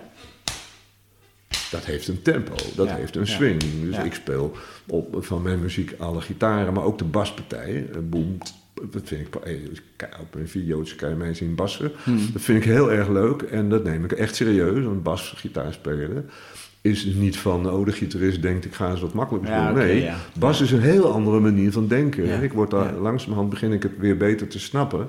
Je moet helemaal in, in de basis van de muziek gaan zitten. Je moet bij de drum gaan zitten en de gitaar precies. mag gaan. Precies. Maar jij moet zorgen dat die basis goed is en, enzovoort. Dat, dat is uiteindelijk de basis van een nummer, hè? Een bas met drums. Ik dat moet een Zeker. twee-eenheid De zijn. ritme- eh. Maar dat heeft klassieke muziek niet. Nee, klassieke muziek is vanuit, eh, eh, nou jij deed het net goed voor, vanuit beweging. Het is gewoon... ja, Ja. Nou, overdrijf ik het heel erg. Maar eh, eh, kijk naar een dirigent. Natuurlijk heb je ook, er zit, er zit heus wel metrum in, tempo. Maar het, varieert echt. Dus bepaalde dingen gaan wat sneller, andere dingen gaan wat Het kan langzamer. bombastisch zijn en het kan... Want ik bedoel, als jij in, in, in, in de stoel zit of wat dan ook... Ja, dan luister je... Dan, dan zit je in een andere eh, eh, emotionele eh, golf dan eh, als je naar klassieke muziek luistert... dan als je naar Rolling Stones luistert. Dat, het, het is ook emotie natuurlijk, hè? Dan denk ik van, Nou, ja... precies. Kijk, ik, ik, ik, ik- als luisteraar mis ik het helemaal niet. Want het heeft, ook, het heeft ook voordelen dat er geen ritme in zit. Ik kan maar zeggen, het boem, Precies. tjak, boem, Ja. pak. Het gereutel in heel Ja. veel popbands, denk ik, tegen die drummer van... Je wordt er moe van af en toe. normaal. Nou ja, Ja, op- ik, bedoel, ik ben natuurlijk niet voor niks. En, kijk, ik heb een redelijke ervaring. Ehm, eh, ik weet natuurlijk waar ik over praat. Ik Hmm. heb heel veel verschillende dingen gedaan. Nou, op mijn album speel ik nu, hij speelt eh, vier nummers ook, met Leon Klaassen. Dat is echt een waanzinnige drummer. Hmm. Ja. Ehm, eh, die heeft eh, in, in, die van mijn leeftijd, die heeft in die tijd met Powerplay gespeeld, met Oké. Sweet de Buster. Eh, Ken die bands, ja. nou, hij speelt heel veel. Hij speelt in de ja. analogs. Ja. De Beatles, die zijn echt heel goed. Daar speelt hij percussie. analogs, wie kent ze En- hij ja. valt heel vaak in voor de drum. Pas sto- stond er een bericht. Hij, hij kreeg hier gelijk 300 likes. Ja, een populaire jongen. Van ik eh, doe een deel van de tour. Er is met de drummer iets aan de hand. De, drum, de drummer van de is de filantroop. Hè? Dat is de man met het geld. Oké, oké. Eh, maar hij speelt bijvoorbeeld. Hij speelt ook ehm, in, eh, met Sweet. Nee, hoe heet het? Met de, de nieuwe versie van Super Sister. Met Robert-Jan Stips. En de bassist Oké. van de Golden Earring. Hoe heet die? eh Rinus Gerritsen. Ja, ja. Want ja, je weet je hebt natuurlijk. eh Kooijmans is natuurlijk gestopt. Ja, die, heeft- die. Maar, dat is, maar als je dat hoort, bijvoorbeeld, eh, ja, dat gaan we ook een stuk van draaien. Dus, er komt een blues. er staat op de LP dat, eh, eh, eh, hoe heet het? Blues with a Twist. Oké. Eh, en daar komt daar ook een video bij. En, en daar hoor je dus inderdaad dat hij speelt een drumpartij die sowieso het swingt als de pest, het staat als, als de brandweer. ja. Maar hij kleurt het ook heel mooi, Ja. we zeggen. Dus Maar hoe kom jij bij die muzikanten? Ik bedoel, dat zijn, dat zijn hij, heeft, maar ik zo... heb met, hij heeft in mijn band gezeten. Ja, oké. Nou Ja. als je het heel kort door de bocht het verhaal vertelt. eh, we hebben het net over mijn begin. Eh ja, Henk Temming inderdaad, een goede vriend. Daar hadden wij een bandje mee. Eh, ja, wij begonnen samen een, een bandje. Ik zie ons nog repeteren in een of andere... Het, het staat nog steeds, volgens mij is het een voormalig kapelletje in Beeldhoven, vlak naast het station. Oké. Heel leuk, heel leuk. Nou, daar stonden wij dus, ik met de gitaar en hij Ja, met de piano. ja, ja. En wij zongen. Hij zong en ik zong ook. Met z'n tweeën? Met- nee, jullie- een band erbij. Ja, oké, ja, nee, ja, een ja. drummer, een bassist en of een kwartet. Misschien, ja, ik denk een Ja, kwartet. ja, dus echt een compleet. Het was echt bedoeld als band. Er stond echt een bandje, gewoon eh, eh, spelen. En dan speelde, eh, dus ik speelde gitaar en zong mijn liedjes. Gewoon liedjes, dus geen instrumentaal. En hij speelde eh, piano en, en, en, en deed zijn liedjes. En het breekt al vrij snel dat voor mij het instrumentale deel wel heel belangrijk was. Ik bedoel, oké, ik was Ja, de ja. ik speelde Ja. de gitaarsolo's. Ik nou, speel jij even een solo? Nou, dat sprak hem minder aan. Hij was niet zo'n solist. Nee, oké. En eh, nou ja, dat ging toch al vrij snel, ja, dat ik toch ietsje meer, eh, nou, hoe zullen we het zo zeggen, dat ik wat meer wilde van de instrumentale Ja, kant in ja. de bezetting. En toen werd ik verliefd eh, op Ameland op een, eh, een meisje uit, wat woonde in het noorden van het land. Mm, En ik zat in Utrecht en ja, je had geen cent. Ik lifte gewoon ieder weekend naar Groningen, Jezus. vanaf Zeist. Ja, ja. ja. Ja, Ja, want dat was midden, midden jaren niet. 70 ongeveer, hè? Om- ja. Omstreeks 76. Ja, zit je 76. Ja, want wa- wat ik wel heel, heel frappant vind, eh Bernard, is dat je zegt: ja, oké, eh, gitarist en, oh ja, en, en Jimi Hendrix. Maar op, jij was wel een dusdanige, hè, je was een goede gitarist, absoluut. Hè? Ik bedoel, daar mogen we best hard op zeggen, mag je ook best trots op zijn. Ja. Want jij hebt ook de keuze moeten maken op een gegeven moment tussen de Wild Romans van Herman Brood of, eh, en, en de Harry Musquet Band. Ja. Maar daar praat je toch wel over. Hmm. Oh, Ja, dus, dus ik lichtte naar Groningen. Jemig, zeg. En, Ja. en op een gegeven moment eh, ben ik daar gaan wonen. Eh, ja, die relatie werd serieus, zullen we zeggen. Het meisje woonde nog bij de ouders.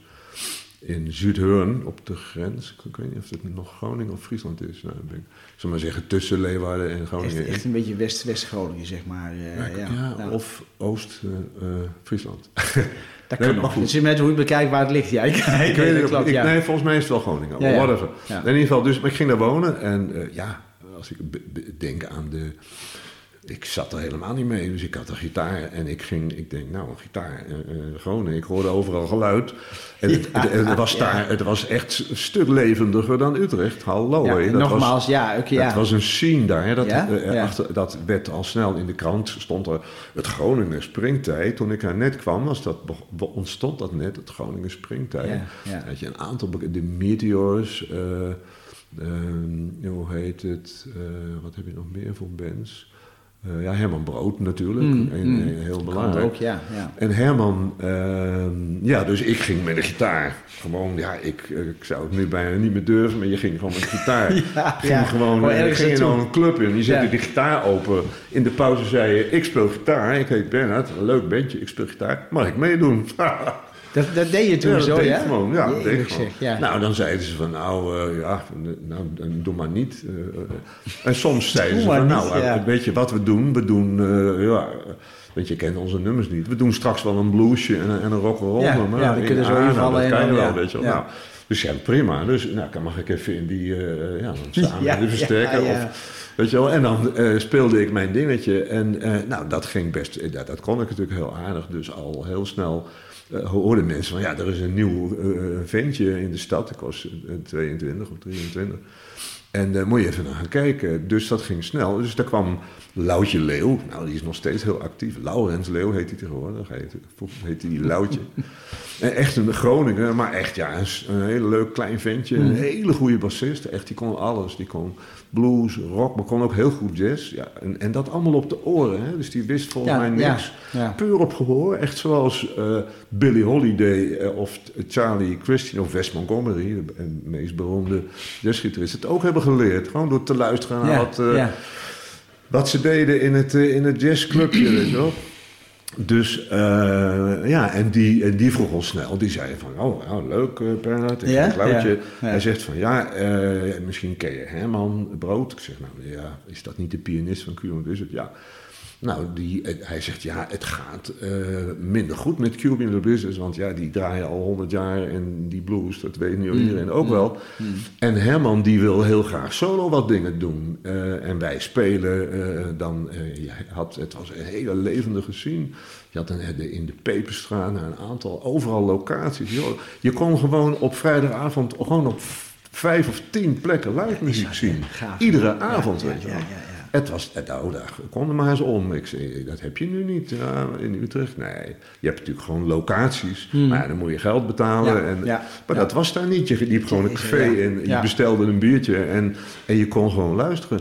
en, en, en hij zei, en ik speel dus nu met Herman. Ehm, en eh, ja, en wij, wij, zoeken eigenlijk, ja, we zoeken eigenlijk toch nog een gitarist die er goed bij past. En dat ben jij misschien wel. Dus nou, zo is het gekomen.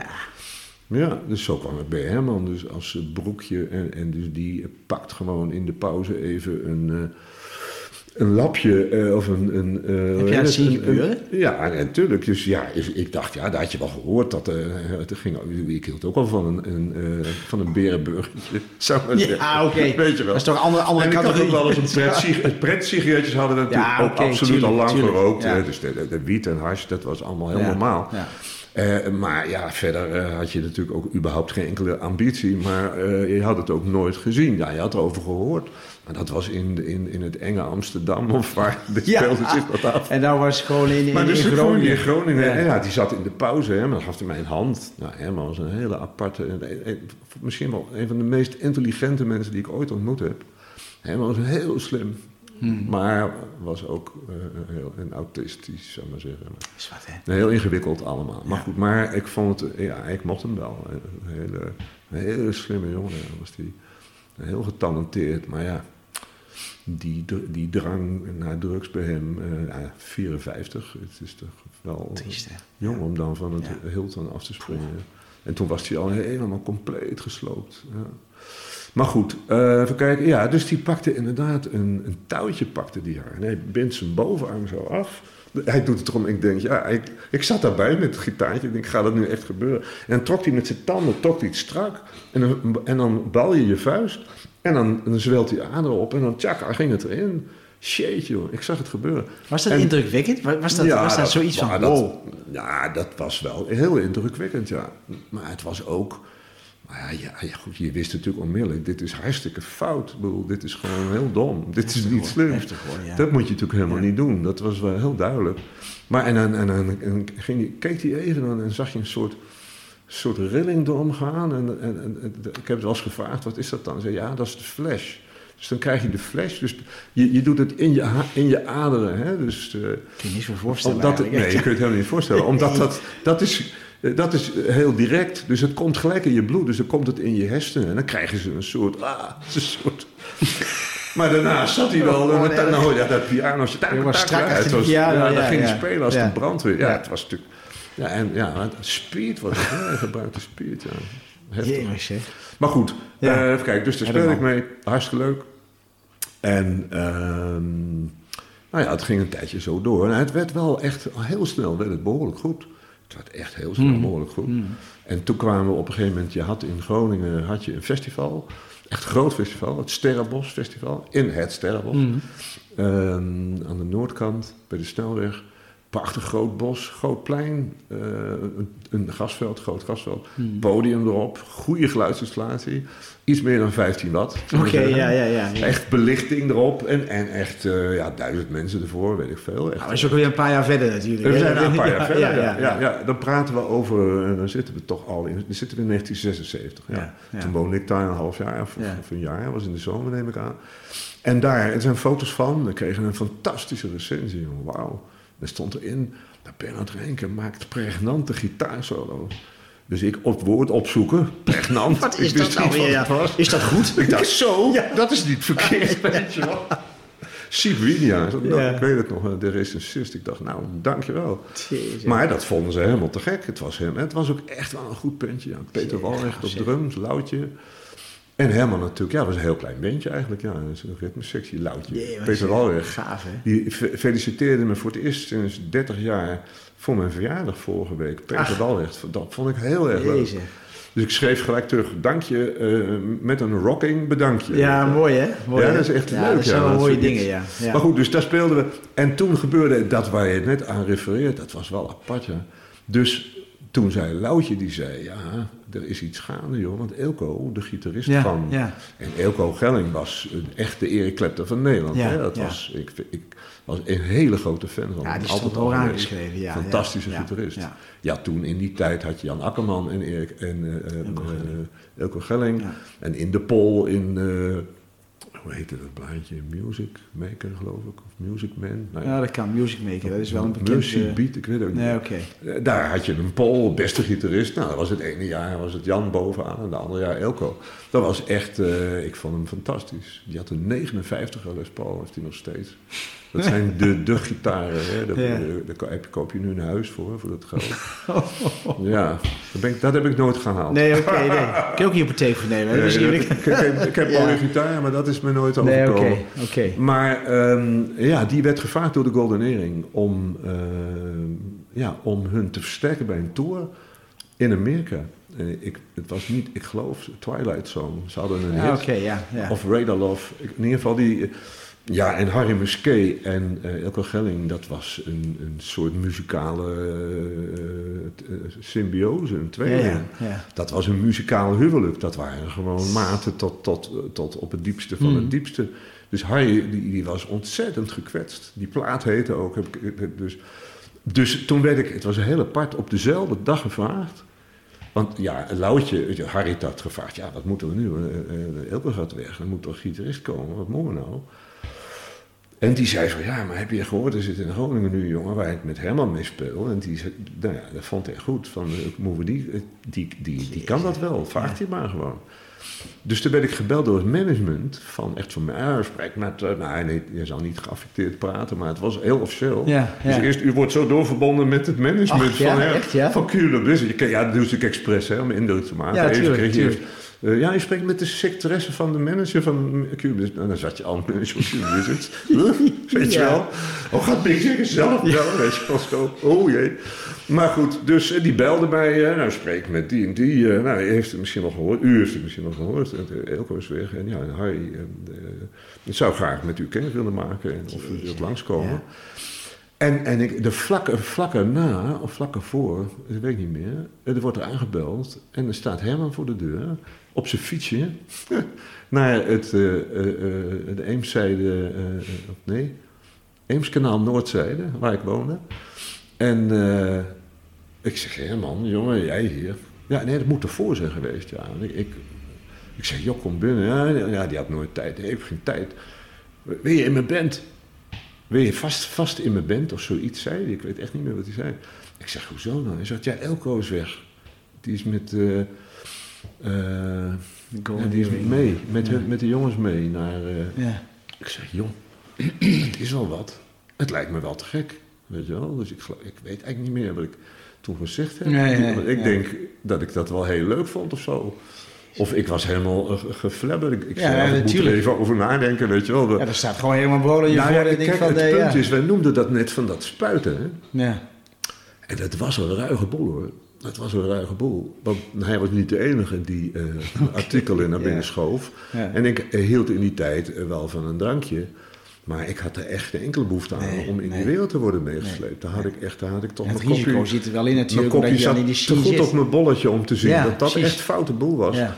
En er waren volgens mij, nee, toen was Janis Joplin toch ook al lang dood. Eh, de, club van 27 hadden we al Ja, ja. sinds lang. Hè, met Brian Ja. Jones, eh, eh, Hendrix, Janis Joplin. Jim Morrison. Klopt. Die waren allemaal al de pijp uit. Dus, ja. Ja. Dus, dus ik dacht, ja, dus ik, de- ik geloof dat ik inderdaad zei, daar moet ik over nadenken. Dat ik dacht, ja, want Herman, dat was, ja, die speelde rustig. Dat hebben we toen ook al eens gehad, dat we twee keer speelden op een dag. En dan speelde je, s'avonds speelde je in, eh, in de Peperstraat, hoe heet je, die club. En dan eh zei ik, god, was leuk hè, maar ja, dan was je toch wel moe. Nou, was lekker hè man. Dan gaan we zo naar huis. We Ja, zijn direct ja. hier uit. Toen zei hij, ja nee, maar dat hebben we nog niet verteld. Maar om half tien gaan we nog in, eh, in de Tor of de Touw spelen. Want daar had je, je, je hebt daar ook een, een kleine een, een buurt van lichte zeden in Groningen natuurlijk, de Hoerenbuurt. En daar had je de Tor of the Town, ja, natuurlijk schilderachtig, waar inderdaad de dames van Lichte Zeden na afloop eh, een drankje kwamen drinken. Ja, waar natuurlijk hartstikke leuke, eh, hele prettige, hele open, aparte. Ja, ja, weet ja. je, eh, ik Ja. heb nog nooit een dame van Lichte Zeden gesproken. maar daar kwam je die tegen. Ja, maar die zaten even uit te hijgen van een hele avondje rossen. Dus die. Dagje Ros, dus die, die waren wel even in de ontspanning eh, aan het belanden. En, en criminelen kwamen er ook wel een paar. eh, dat je Ja, dat zal, nou, dat zal zijn- zo'n verzamelplek zijn. een verzamelplek, van- ja. En ja, de Herman voelde zich daar, daar natuurlijk helemaal thuis. Want Herman had in ieder café een drankrekening. Dat was misschien ook wel het punt. En als je ergens speelde, hè, dat betaalde natuurlijk verder geen reet. Dan kreeg je 50 gulden of Ja, 5, 25 gulden denk ik voor de band. En dan stond je gewoon bij de kassa. En had je, dat was allemaal heel klein. Dan stond je bij de kassa. Ja, waar waren ze? Je, je, je speelde gewoon in een bovenzaaltje, in een cafeetje.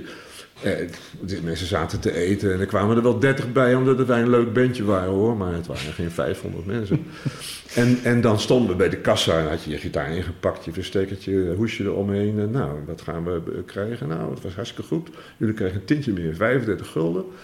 En, eh, en dan keek ja en Herman, eh, en dan kwam, dan kwam de drankrekening. Oh, ja, ja. Dan had hij een drankrekening van 270 Oh. euro, gulden. En zei hij, nou, dat trekken we dan af. Ja, ja, is goed. Schenk mij nog maar een dubbele in, weet je wel. Maar Herman speelde op de drankrekening. Dus ik neem aan dat Dog of the Town, dus de laatste tent die open was... dat hij daar een drankrekening had. Flink, een- ik denk dat hij daar een hele rekening had. Dus daar speelden we dan. Dus dan moest je dus om, om één uur dus nog een keer gewoon eh, twee setjes spelen. Ja, ja. Ja, en dat je dan inderdaad een klein snuifje gebruikt. eh, Dan kun je nog even doortrekken natuurlijk. Precies. Ja. Dus toen Ja. ik een paar... Dat, ja, dat was de volgende. Een paar uur later werd gebeld. Hij kwam inderdaad gewoon smiddags aan de deur. Het was helemaal geen avond. Hij kwam smiddags aan de deur op, op zijn fietsje. Bernard, wil je in mijn bandje? We gaan een band beginnen. Want eh, ja, het gaat lekker. Hè?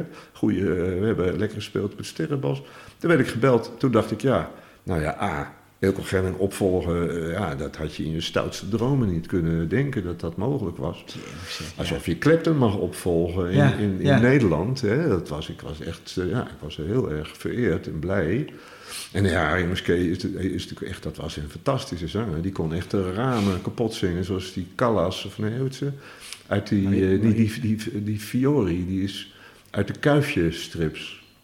Die weet ik even In die niet, eh, Kuifje-strip zit een ja, zangeres, ja, ja, ja. hele grote, met hele grote... Er was, er was Ma- Maria Callas, die, die, die had Ja. jij, eh, ja. ja. Nee, maar die, die was geënt op Maria Callas. Ja, oké, ja. En, die, en Ja. die, dus het was een zangeres uit Kuifje-strips. Een hele grote, echt zo'n... Grote zo'n- boezem, ja. En die kon glas Grote kapot longen. zingen. En dan Ja, zong ze paats, dan ging het glas, ging kroonlucht te barsten. Maar, maar Harry kon bijna een ruit kapot zingen. Die had een volume, jongen. Echt, eh, die, had echt, die kon echt zingen, hè. Die had een strot, joh. Maar goed, daar heb ik voor gekozen. Ja.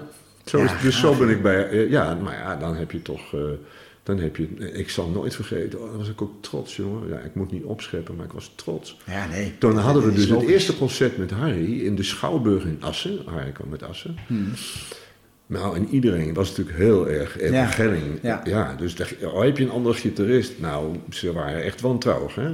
Van, oh, zo'n, zo'n eh, als je kijkt naar mij, ik was echt zo'n... Ja, meer, meer zo zo'n van... blond jongetje, Ja. zo'n blonde jongetje met ook wel zelfs zo'nzelfde gitaar. Net zoals nu eigenlijk. Zo Ja, ik, ik, ik had best een fatsoenlijke verschijning, zeg maar. Maar ik was veel jonger dan Elko natuurlijk. En, eh, en ik leek natuurlijk echt op Mick Taylor toen. Dus ik vond het al, als ik een foto van mezelf zag, dacht ik, nou, ik lijk op Mick Taylor. Dat is behoorlijk al, eh, heb ik, dat is goed, hè? Dat is bijvangst, ja. Ja, precies. Nee, dus dat vond ik prima, weet je wel. Dus ik zag mezelf als de Hollandse Mick Taylor graag. Ja, leuk toch? Maar, ehm, hoe heet het? Ja, dus dan gingen we daar spelen. En, ik, en toen heb ik echt, jongen, dat vond ik zo mooi. En dan stond ik daar en ik weet wel dat Herman of dat Harry na afloop zei van, joh... Nee, ik moet natuurlijk wel bescheiden blijven. Maar ik was echt heel trots. Toen zei hij, jij speelt veel beter bij een optreden dan in een repetitie. Ja, maar wat nog mooier was, dan kwamen de fans op af. Ik zie toch voor me in, in de foyer na afloop. Mhm. En toen zeiden ze van, ja, maar toen jij ging spelen, vonden we zo mooi.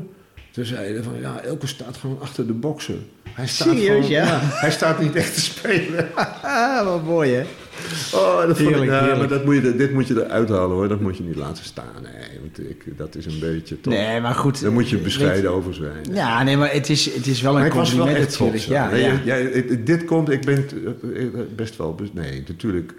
Ik heb best wel eh, een aantal dingen bereikt in mijn leven. En Mm, dat vind ik mm. ook echt heel fijn. Maar ik vind, bedoel, je talent heb je eh, gekregen... En daar moet je heel bescheiden over zijn. ja, maar goed. Hoewel je ook hard moet werken hoor. En dat heb ik ook gedaan Nee, trouwens. nee, uiteraard, want iedereen denkt dat het allemaal van een leien dakje gaat Nee, je moet, ik heb heel hard gewerkt. Ja, heb heel ja. hard gewerkt om dit voor elkaar te krijgen. Ja. Ja. En nog steeds. Ik speel iedere dag. Ja, Ja, iedere- nee, maar want- want je- te spelen. Ja, jij, je, je gaat er ook, ook eh, regelmatig in dit gesprek eventjes naar voren, hè, naar, naar dit moment. Ja. Als, je, als jij terug, want ik bedoel, ja, eh, Harry Musquet band, eh, Wild Romans, Ja. eh Phony and Hardcore, dat is Ja. ook geen onbekende band. Hè, daarna, ja. ja, Ja, ja. Het is echt een te gekke band, ja. Ik Ja. heb veel mee gespeeld. Ja, ik zat in Groningen met Musquet, eh, eh, ging het om, om bepaalde redenen, was dat op een gegeven moment eindig. Mm. En ik wilde een andere band hebben en ik zat nog helemaal in die popmuziekhoek. Dat vond ik fantastisch. Ja. Ja, de Groningse scene, die kende ik wel natuurlijk. Ik, ik had daar natuurlijk een aantal jaren al gespeeld. Dus ik in de auto naar Den Haag, naar uit Groningen. Hè. We zijn in het rijden hoor, in die tijd. Ja, heel Nederland Met zo'n. Simca 1100, Ja, ja, eh, weet je wel. Sportcoupé dan wel, zo'n heel Auto- oud- autoradio oud bakje. weet wel, zo'n- het, het, het, het- bij de garage zeiden ze van, ja, dat geluid van een, van een bak spijkers. Weet je. Een roeste, jongen, zo'n ding. Het, ja, natuurlijk helemaal geen geld. Simca, 1300 ja. gulden kostte die auto. Nou, hoe deed ik dan mee? Naar Den Haag en ook Ja, allerlei ja, in die ja. Haagse scene. Ja, dat is ook hartstikke leuk. Ik heb mooie dingen meegemaakt. Oh, maar het, het, het gebeurde allemaal niet. In Amsterdam, eh, ik, ik, ik kreeg met allerlei, eh, nog met die Herman van Boeien nog gespeeld. Oh ja, van Vitesse. Ja, ja. Maar dat was ook een en al snuiven, jongen. Man, eh, Daar was je wel wars van, echt, hè? Dat, dat je Nou, daar ja, weet je, dat wil- van, hè? Nog steeds niet. Maar dat vind ik Nee, wel nee. mooi, dat- dat je, dat je daar toch Nee, niet in mee van. hebt laten gaan dan. Nou ja, eh. kijk, ik bedoel, ik ben nu sinds, eh, eh, ja, dat mag je in de Achterhoek niet zeggen, ik, maar ik ben nu sinds vijf jaar ook helemaal gestopt met drinken. ja, ja. Ik drink geen druppel meer. Ja. En, en als iemand één glas drank op heeft, dan hoor ik gelijk dat er iets Het verandert. heeft aan je. invloed op je, op, Ja. je, op je hele hebben en houden. Ja, dat klopt. Dus iemand die Ja. flink heeft gepimpeld, ehm, nou ja, dat had, ik, dat had ik in die tijd ook al. Dus dan sta je in een café met een collega, eh hartstikke leuk en gezellig. Hey man, dit, we gaan dat doen, en kikkers, dus en dit. En zei ik van, man, ah, superleuk eh, Henk, zou ik maar zeggen. Maar eh, zullen we morgen om twee uur even afspreken, weet je wel? Kijk, morgen om twee uur is het hele verhaal aan de koffie, Ja. aan de thee, is het hele verhaal anders ineens. Ja. Dus Ja. ik bedoel... Ja, dat is inderdaad de- wel zo, ja. Kijk, ik Ja, kijk weer nu naar buiten, naar die boom waar we het net over hadden. Of die struik die geel is, de natuur. Joh, eh, de, ik bedoel, ja, ik ben heel erg... Ik zit echt met mijn eh, voeten in de klei. Ja. En daar voel ik me ook in, achter, in de Achterhoek thuis. Ik ben een, een, een mens van de aarde. Van, hè, ik ben ook wel van de sky, zullen we maar zeggen. Hè, dus kunst maken... ehm, nou, ik heb een heel erge verbinding met de sky, zeg Ja, maar zeggen. ja. Met de hemel, met de lucht. De fantasie is ook ontstijgen aan de aarde. Maar ik sta altijd met mijn voeten in de grond, in de dat- aarde. Ik hou niet van, van eh, mensen die... die ja, ik, ik hou niet van praatjes, daar hou ik gewoon niet van. Nee, maar is, is En, het... en drugs verandert zo ontzettend je... ja, je bent jezelf ik, niet zie, het- ik zie helemaal van boeien. Op een gegeven moment eh, ja, had ik contact mee. En ik bel hem nog een keer. Ik zeg, joh, eh zei hij van... Ja, en ik wil eigenlijk gewoon nog een keer spelen gek. Ik geloof el- half, half twaalf s'avonds, weet je wel. Belde die. Ik zeg, nou, vind ik ook niet te vroeg. Maar goed, oké, weet je wel. Hè, toch, kan. En ik zeg, joh, eh, nee, is prima. Eh, wanneer gaan we dat doen? Hij zegt, ja, maar nu toch gewoon, man. ik zeg, joh, het is half twaalf. Ik zit in Groningen. Ja. Ik ben om twee uur bij jou. Ja, ja. Ja, maar het is gewoon rock'n'roll, weet je. Ja, Kun je het voorstellen? ja, het is zo Ja, erg. ik, ik hoorde de, de, Och, de, de, speed en de coke Ja, alweer door zijn door. Dus ja, dan kom ik daar aan. Nee, neem even een lijntje, weet je wel. Ja, ik, ik wil helemaal geen lijntje. Ik ga daar toch niet om twee uur s'nachts uh, aankomen en dan... Dus dan gaan we dan, gaan we dan door tot het licht wordt of zo. Ja, zo. ja Herman deed dat ook. Weet je wel, het was allemaal Ja, maar dat, dat, is, dat normaal was die natuurlijk. hè? Ik, bedoel, ik want- had daar, en dat is het punt ook, want dit is ook letterlijk het, de markering van, het, van, het, van mijn overgang naar iets anders geweest. Ja, ja. Toen dit zich voordeed, dat inderdaad, is ik, dus ik was al heen. Ik praat u trouwens al over, ik, de de Hardcore zit er al tussen. Dat heel kort door de bocht. Eh, nadat uh, ik vanuit Groningen in de Simca naar die popgroepen kwam ik ineens in, in, um, in Groningen op een avond langs het Zuiderdiep en ik hoor een bandje. Ik denk, hey, lekker bandje. En ik loop naar beneden en daar stond het bandje Etofoon in de hardcore. Uh, ik vond die zanger hartstikke goed, de organist goed en de rest dan wat minder. Uh, hè? Ja. Je zegt daar wel een kans, zeg maar. Ja, je begrijpt het wel. Zo gaat dat dan. Ja, ja, tuurlijk. dat ja. ben ik ook redelijk heftig. En was je toen al... Je was toen een bekende Ik was heel bekend, ja. ja. Dus ik kom daar binnen. Dus die, dus die, hij kende mij goed. Trouwens, ik, ik herkende hem ook. Want hij had ook wel eens een keer... had een hele mooie gitaar. Hij had een, een Gibson...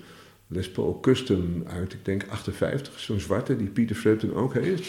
Met drie pick-ups. Die zijn echt, die heb je nu, eh, dan ga je naar een ton toe. Dat zijn echt hele mooie gitaren.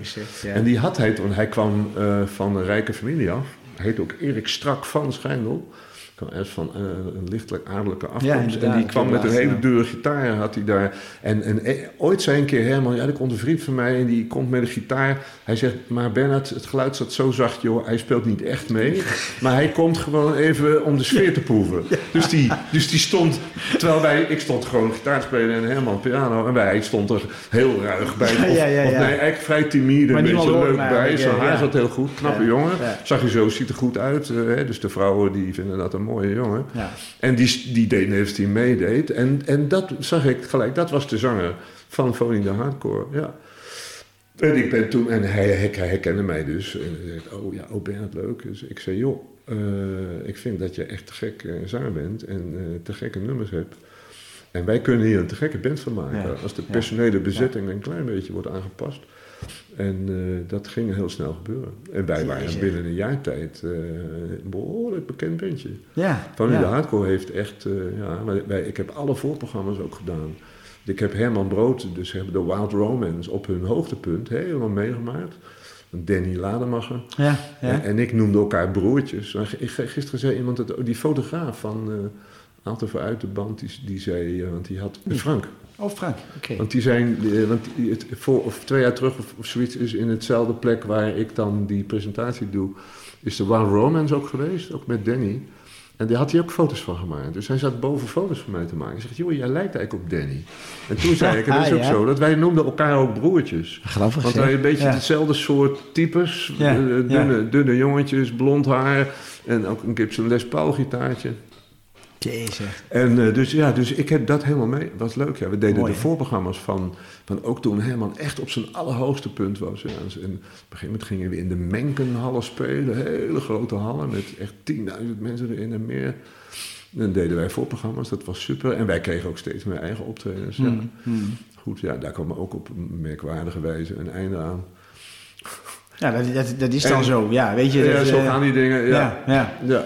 En, maar, en, en, en daarna kwam dat moment wat ik net noemde van, uh, van Herman van Boeien die mij inderdaad ja. s'avonds belde van... hé hey man, dan kom je toch nu gewoon naar Amsterdam? En ik zei, dat ga ik nu niet doen. Ja. En toen dacht ik de volgende dag, ik ga dit nooit meer doen. Nee? Ik heb geen zin meer in dat... In, nou ja, het is het, het, het voetbalelftal met Maradona. Ja, nou, ja. dus je hebt het we kunnen allemaal heel goed voetballen, Ja, ja. maar dan kan er één erg veel beter voetballen. Of, of die, nou ja, in dit geval is het niet zo dat hij vindt dat hij beter kan voetballen. Maradona is natuurlijk een wereldster. En dat Cruijff, eh, en dat hele elftal wordt gemoduleerd rond die ene speler. ja. En die ene speler die denkt dat hij God is. Nou ja, en Maradona noemde het ook de hand van God. ja, hè? ja, ja, die, die, die waarmee hij wereldkampioen werd. Ja.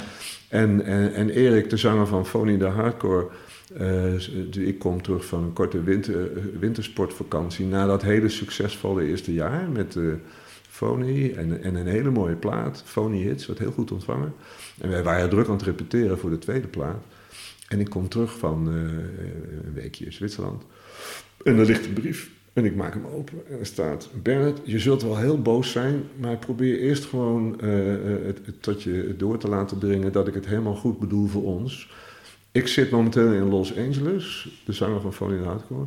En ben daar eh, met studiomuzikanten onze Ja, volgende, was ik, ja. volgende plaat aan het opnemen. Ja. Eh, Dus- En ik snap dat jij heel erg baalt en jullie, eh, maar goed, nou ja, het verhaal was dat de, de platenmaatschappij Areola, die zagen in hem de nieuwe Graham Parker. Nou, dat was natuurlijk een wereldster toen de Rumor. Nou ja, dan zag je foto's. In, in die, er was toen een, een nieuw blaadje voor de meisjes, ik maar zeggen, de, de, fans, de fandames. En dan stond hij, ik moest ook vreselijk lachen, in een, in een zwembad met een, een glimmend rood zwembroekje aan. En zijn haar helemaal zo. En dan stond ik ja. zo naar achteren. Nou, je zag de kook droop uit zijn Oh, neus. En eh, eh, waarschijnlijk had hij een heel lekker wijf om de boel nog even Ja, ja, nog wat tuurlijk, verder op te... ja. Je weet wel. En, en dan keek hij zwoel met opgemaakte ogen zo de camera in. En toen dacht ik, ja, ja, ja, ja. Nou, het is zo'nzelfde blik zo'nzelfde aanblik als de Wild Romance had toen ze na twee weken Amerika bijna volkomen versleten waren is tot op hun eh, ja. knieën. Ja. Nou goed, eh, dus ik was daar ook voor. Ja, ik heb natuurlijk gelijk geantwoord van eh, steek het maar in je, Klaar mee, je ja. weet wel. Ja, zo. ja. ja, maar dat is ook een beetje onder, ondermijning van de band natuurlijk. Van, van dat, dat je dus, en, en, ja, en, en met HMSK, eh, nou, gebeur, daar had je dat ook wel op datzelfde kwestie. Dat dan de zanger, een, nou, maar zo formuleren, een hele bijzondere plek innam. En op een gegeven moment, was, ik was daar gewoon klaar mee. Ik dacht, joh, luister, ik, ik schrijf zelf eh, eh, nummers en ik wil, eh, het was toen met Fonie de Hardhoor ook al zo, dat als ik op het podium een andere soort gitaarsolo speelde dan op de plaat stond, dan zei Erik van, ah, het is fantastisch. Maar ja, de mensen wilden de solo van de plaat horen. Dan zei ja, ik van, ja. Maar dat, dat, eh, dat doet eh, Mick Taylor toch ook niet bij de Stones, speelt toch ook een eigen solo. Jimi dat Hendrix speelt iedere avond. Dat is de charme van de live muziek. Jimi ja. Hendrix had wel 60% van, van de solo, Ja. had hij qua vorm en sound wel vast liggen. Maar ja, 40% was puur geïmproviseerd. Ik wilde improviseren. Ja, precies. Eh, goed, en dat ben ik dus gaan doen. Nou ja, en, en, ja, en, en hier zit het, het mannetje nu vele jaren later. Ja, ja. En maakt nog steeds, eh schrijf eigen stukken. En, eh, ja, en, en dat is dan af en toe met zang, zoals de vorige plaat met Ja, Erik. ja. Maar goed, eh, dit is de negende cd. De negen alweer. Ja, en dat ja. zijn acht instrumentalen en, Ja, en ja. één vocale met Erik. Ja, want ik, als ik dat dan zo beluister, hè, waar, waar je afstand van hebt genomen hè, door omstandigheden en zo, dan denk ik van waar we mee zijn begonnen, hè, Love for Life, hè, Ja. dat, een- dat, dat, dat gaat er wel een beetje, dit, dat is wel een beetje de rode draad door je leven. Hè, van op de juiste momenten toch afstand genomen, op de juiste momenten, tenminste als ik het zo luister, Nou ja, hè. ik, ik love for life, ik vind het leven fantastisch, maar Ja. ik kies ook voor mijn eigen weg. Ja, Dus ik vind dit, dit is gewoon eh, ja, wat ik leuk vind. Ja, ik, ja. ik heb eh, heel veel aanbiedingen gehad, ook van heel erg veel bekende mensen eh, eh, van grote naam. Eh, maar ja, dan kwam ik in een soort bijrol terecht, zeg ik maar zeggen. Dan was ik misschien wel veel bekender geworden en ook een heel stuk rijker. Ja, dat is ook een keuze Maar je, natuurlijk. precies, hè. maar je belandt in een, in een bijrol, zal ik maar zeggen. En dat vond ik niet leuk. En ik heb wel, wat dat betreft, een, je moet ook kunnen leven, weet je wel. Kijk, en, en van een jazzband of fusionband leven, dat Ja. valt niet mee in ja, Nederland. maar, ja, maar dat is ook Daarom heb je... ik ook best veel, ook, natuurlijk ook in Duitsland gespeeld ja, en dat soort dingen. Maar ik had, ik had geluk dat ik in 1988... eh, dus ik ben inderdaad ook, omdat ik die jazzdingen, dus zeg maar die meer complexe dingen wilde... Ik weet nog, ik ben op een gegeven moment terugverhuisd naar Utrecht... En ben toen gewoon, ik denk nou, wie is nou de beste jazzgitarist van Nederland? Wim Overgouw. Nou, dus ik naar Hilversum tuffen en ik bel aan. Ik zeg, eh, hoi, ik heet eh Bernard en eh, ja, kun je mij jazz leren? Nou, zei hij, ga maar spelen. Nou, spe- laat maar wat spelen. Nou, zo is dat gekomen. En hij zei toen van, nou, eh, wij beginnen net het, het eerste conservatorium lichte muziek van Ja, Nederland. ja. Dat heette trouwens nog geen conservatorium, het heette toen Muzieklyceum Hilversum. ja. Ehm, en daar ben ik toen bij gegaan. Eh, nou, dat heb ik afgemaakt. Dus toen heb ik alle Was je theorie... 34, hè, notabene. Nee, het was, Toen- toen, toen- ik toen erheen klaar kwam was. was ik 28. Ja, maar toen, toen je klaar was, volgens mij. Of niet? Was het Eh, als je- 33? Ja, klopt. Ja, Ja, was Ja, 33. ja, ja. Of 33, Ja, ja. 29, ja, drie, ja 33, 2 of 33. zeg, Ja, ja. klopt. Nou, Precies, dus toen heb, eh, eh, leerde ik alle theorie. En Ja. ik had toen al eigen bands. Eh, mijn eerste band was Transfusion. ja, ja. En dat ging toen verder. Eh, toen werd ik gevraagd door een, een, een- iemand die ik kende, saxofonist. Toen begonnen wij muziekschool in Amsterdam, een tijd lang. En toen een collega van mij, Onno Kelk, die ik nog steeds eh, vaak zie, echt een vriend geworden. Ehm, hoe heet het? Ja, die zochten in voor het conservatorium in Arnhem zochten ze iemand die Hmm. die modernere stijl meer ging Ja, doen, de jazz Ja. rock fusion. En hij had mij gezien spelen op het festival ook in Amersfoort en op de bluesroute Ja. in Utrecht. En dus ik werd gevraagd door hun, wil je dat komen doen? Nou, Ja. en dat ben ik gaan doen. En dat gaf natuurlijk ook een soort, ja, toch een beetje meer financiële Nou, ondergrond. De basis hè, heb je dan in ieder Dus, geval... dus dat eh, ja. zorgde ervoor Ja. dat ik inderdaad op die manier gewoon ja, kon doen waar, waar mijn hart lag. Waar mijn love for life in kwijt kon. Ja, Eh, ja. Dat is inderdaad eh, ja, toch het maken van, van een muziek zoals ik dat hoor. En, en Ja. op een eigen manier. Ja, want ik- we hadden het straks al even over de vorige cd, hè, Paradise. Ja. Eh, want hier, beschrijf je het ook, hè, van het, het, als een resultaat van een zoektocht eigenlijk. Hè? Het resultaat van een zoektocht naar hoe je dingen die je voelt en ervaart in muziek kunt uitdrukken. Ja, ja. Nou, dat, is ook echt, dat is ook echt wat er gebeurt. Ja, want maar de inspiratie, hè? ik bedoel, eh, eh, nummers, maar hoe, hoe is gaat heel, dat bij jou? heel divers. Maar het is toch ook wel heel erg vanuit ja, wat wij allemaal meemaken. En ik dus ook. Ja, ja, Hè? Dus dat je je gewoon eh, heerlijk voelt eh, en lekker. ja, Ik ben nu, wat ik zei, dat draaiboek aan het maken. ja, ja, Eh, nou ja, er zijn ook nummers. Dus er zijn stukken zoals bijvoorbeeld... Het, het, nummer heet ook Love for Life, maar met, Ja. met een viertje. ja. En een ander stuk heet Groovin. Dat zijn hele lekkere, lichte, easy, lekkere, losse nummers. Fijn Ja. gitaartje, Ja. lekker drummetje. Ja. Het klinkt gewoon lekker. Een, leuke video erin, eh, weet je wel. Dus dat is gewoon fijn. Er zijn stevige nummers, maar er gaan ook een paar nummers over hele serieuze dingen. Nou ja, En bijvoorbeeld eh, het nummer, nou ja, die titel alleen al, eh, So Unforgettable. Ja, dat snap je. Dat gaat over een, eh, iemand, ja, zijn foto staat daar. Nog eh, iemand die ons ontvallen is, ja, die rest daar. Ja, ja. Die ons ontvallen is, ja, waar we allemaal erg van hielden. Ja. Die wordt gemist. Eh, eh, ja, en daar kom je dan door bepaalde dingen op. Eh, in een van de nummers, ehm, hoe heet dat? En die titel zegt ook al iets, Between Two Worlds. Nou, die heb ik Wat hier... zijn de two worlds? Nou ja, dat is Nou ja, het, het ja. aardse leven en het leven na het aardse Nou, goed, leven. ja, En, en dat is geschreven naar, aanleiding van het overlijden van iemand die heel erg Ja. dichtbij staat. ja, En ik zat hier thuis en, en, en ik had die persoon net zien liggen, zeg maar zeggen. En dat was nog wel wat. En ja, ik zat helemaal, ja, dat is, je voelt dan, de avond ervoor had ik de persoon nog levend gezien.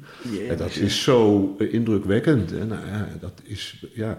Dus ik kwam hier, ja, je zit hier, je kijkt eens naar buiten. En ik pakte een gitaar en er kwamen hele aparte noten en klanken die ik echt nog nooit Mm. zo had Mm. gehoord. En dat Ja. is dat nummer geworden. ja, En, en een ander nummer, So Precious, dat gaat over iemand hier in het dorp waar, die eh, iets heel vervelends heeft meegemaakt, om Mm. zo te zeggen. hm. Ehm, ja, dat is ook, en dat hoor je ook wel. Dat is natuurlijk een heel intens nummer. ja, ja. En, en dus, ja, het zijn nogal heel veel verschillende onderwerpen. Van heel licht ja. tot ook wel eh, eh, heel intens. Ja, want ik heb de cd geluisterd. hè. Junior's Blues, dan denk ik van Junior. Eh eh, Bernard misschien wel in jongere jaren. Hè? Nee, dan nee, dat, gaat- maar dat gaat om de gitaar. Dat gaat nu over gitaar. De gitaar heet een Gibson Les Paul Jr. Ja, oké, ja. Ja. dat is mooi. Maar hè. dat had wel daarover kunnen gaan. Met, En ja. Between Two Worlds, hè? eh, jij hebt het net uitgelegd hè? met Ja. heel veel res- respect. Hè? eh, eh, eh, dat je dat nummer ook op die manier je emotie ook, ook erin hebt gelegd. Als ik dit niet had geweten, had het ook anders vertaald kunnen worden. Dat, dat zijn twee nummers die achter elkaar staan. Hè? Nummer Ja. 7 nummer 8 van het album. ja, doe ik het Eh, expres ook. om- Ja, dat, dat je echt van een onmiskenbare blues gewoon eigenlijk naadloos overgaat in in een jazznummer. Ja, voor, dat- mij, dat- voor mij zijn het werelden die... Ja. Dat is natuurlijk heel... Dus ja, sommige mensen vinden het heel erg een tegenstelling. Mhm. Rock en jazz.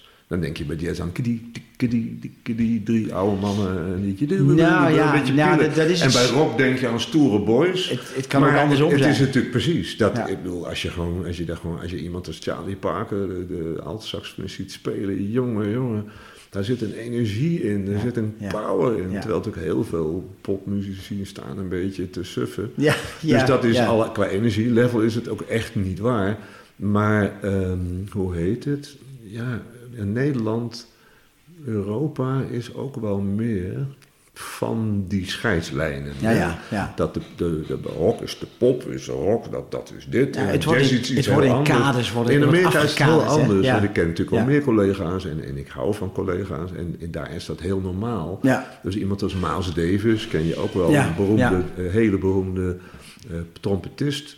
Die is al vanaf de jaren 70, daar ben ik ook echt wel door beïnvloed. Heel erg door beïnvloed. Begon hij al toen al, in de 273, eh, eh, begon hij al met eh, op de grenslijn, of begon hij jazz te verbinden met Hmm. rock, Hmm. jazzrock. heette dat toen. Ja, ja. Weet je wel? Dus voor mij is het helemaal geen tegendeel. Dus voor mij past het. En ja, een zwaar nummer als Between Two Worlds moet je, die moet je doen. Er staan, eh, zal maar zeggen, twee zware nummers op. Die moet je natuurlijk niet achter elkaar gaan zetten. Nee, dat, nee. is, dat zou je bij een optreden ook niet doen. Nee. Toch? Dus de ballad eh, eh, Ja, ja. doe je bij een concert, doe je ergens. eh, Waar Klopt. daarna nog drie nummers komen, dat Ja, je nog even ja. weer kan bijkomen, zullen we maar zeggen. Ja. En, en dan heb je het titelnummer, hè? Love for Life. eh, wat, wat, wat up-tempo, hè? Is, Ja. is, is dat ook een beetje... eh, Maar dat is ook echt lichtvoetig. Ja, Dat ja. Dat is de, de, de mooie kant. Dat is de kant van eh, ja, dat je gewoon lekker denkt: God, het is lekker weer. We pakken de fiets even en Ja, je komt ja. een leuk terrasje tegen. En verdomd, daar zitten vrienden. Nou, ja, dat, straalt zo'n en dan blijf je je daar het ook hoort. en dan neem je en nog een drankje en je eet een hapje. En weet je wel, dus de, de, de, de, ja, dus de lichte kant van het leven. Ja, dat komt daar echt omhoog. de, de, de samenwerking met de muzikanten op het album, eh, hoe is die tot stand gekomen, Bennett? Ja, dat is in dit geval eh, is dat natuurlijk wel redelijk van één kant. Dat is niet anders. Dat is de praktijk natuurlijk wel. Hmm. Kijk, dit is geen band. Hmm. Dit is gewoon een figuur, Ja. deze jongen, Ja, die een idee heeft. En, eh, en, en ik heb een home studio en ik Ja. weet hoe het moet. ja mooi is dat. Dus ja, dus ik maak gewoon, eh, als ik een idee heb, dan neem ik eerst een, een soort sfeeropname, Mm, mm. gitaartje. Denk ik, eh naar mijn denk, Dat kan wel achter- dat tempo kan zo'n tussen, beetje. ja. Dan doe Ja, ik even een ja. kort drum loopje erachter. Dan doe ik eens een basje erbij voor de sfeer. mooi en dan dat, denk hè? ik drie dagen later, nou, het tempo is te langzaam, dus ik doe het iets sneller. Ja, en dan ja, doe ik het basje moet iets meer funky, ik zeg maar wat. En het komt erop neer dat ik in feite het hele nummer helemaal af heb. Compleet all in, dus met alles erop en eraan. Met eh, het tempo zeker, moet je Mm, al bepaald mm. hebben. Met ook de feel wel, dus ook een drumpartij. Al enigszins geprogrammeerd ja, zelfs. ja, ja. Een baspartij, eh, akkoorden, slaggitaar, tokkels, keyboards, wat je maar wilt. Eh, De uil, als die erin voorkomt, we Ja, zeggen. Weet ja. de sounddingen. De vogels, de, de, De vogels. die ook ook bij een nummer voorbij hoorden komen, ja. En, precies. En dat stuur je dan op naar de drummer. ja. Eh, en, en die hoort dan twee versies, die versie en de versie Ja, met, we noemen een click-track, Ja. hoor je alleen maar tok, Ja, ja, tok, tok. ja. Joh, eh, doe er iets mee. En, Succes. Ja, en dan, maar dan wil het nog wel eens gebeuren dat ik dat terughoor. Ja, in sommige gevallen, ik heb twee drummers gebruikt, dus die Leon Klaas het over had, Peter Doppen, meer een rockdrummer, een hele Ja, goede drummer ook. Ja. Ehm, ja, kijk, als het volkomen helder is, dan is het helder en dan sturen ze een take en dan zeggen wat vind je ervan? Dan zeg ik, nou, prima. Vaak wel kan het, kan je nog iets meer dat doen Mm, of mm. iets meer dat doen. En ja, tuurlijk. En dan komt er nog een take en eh, zo. eh.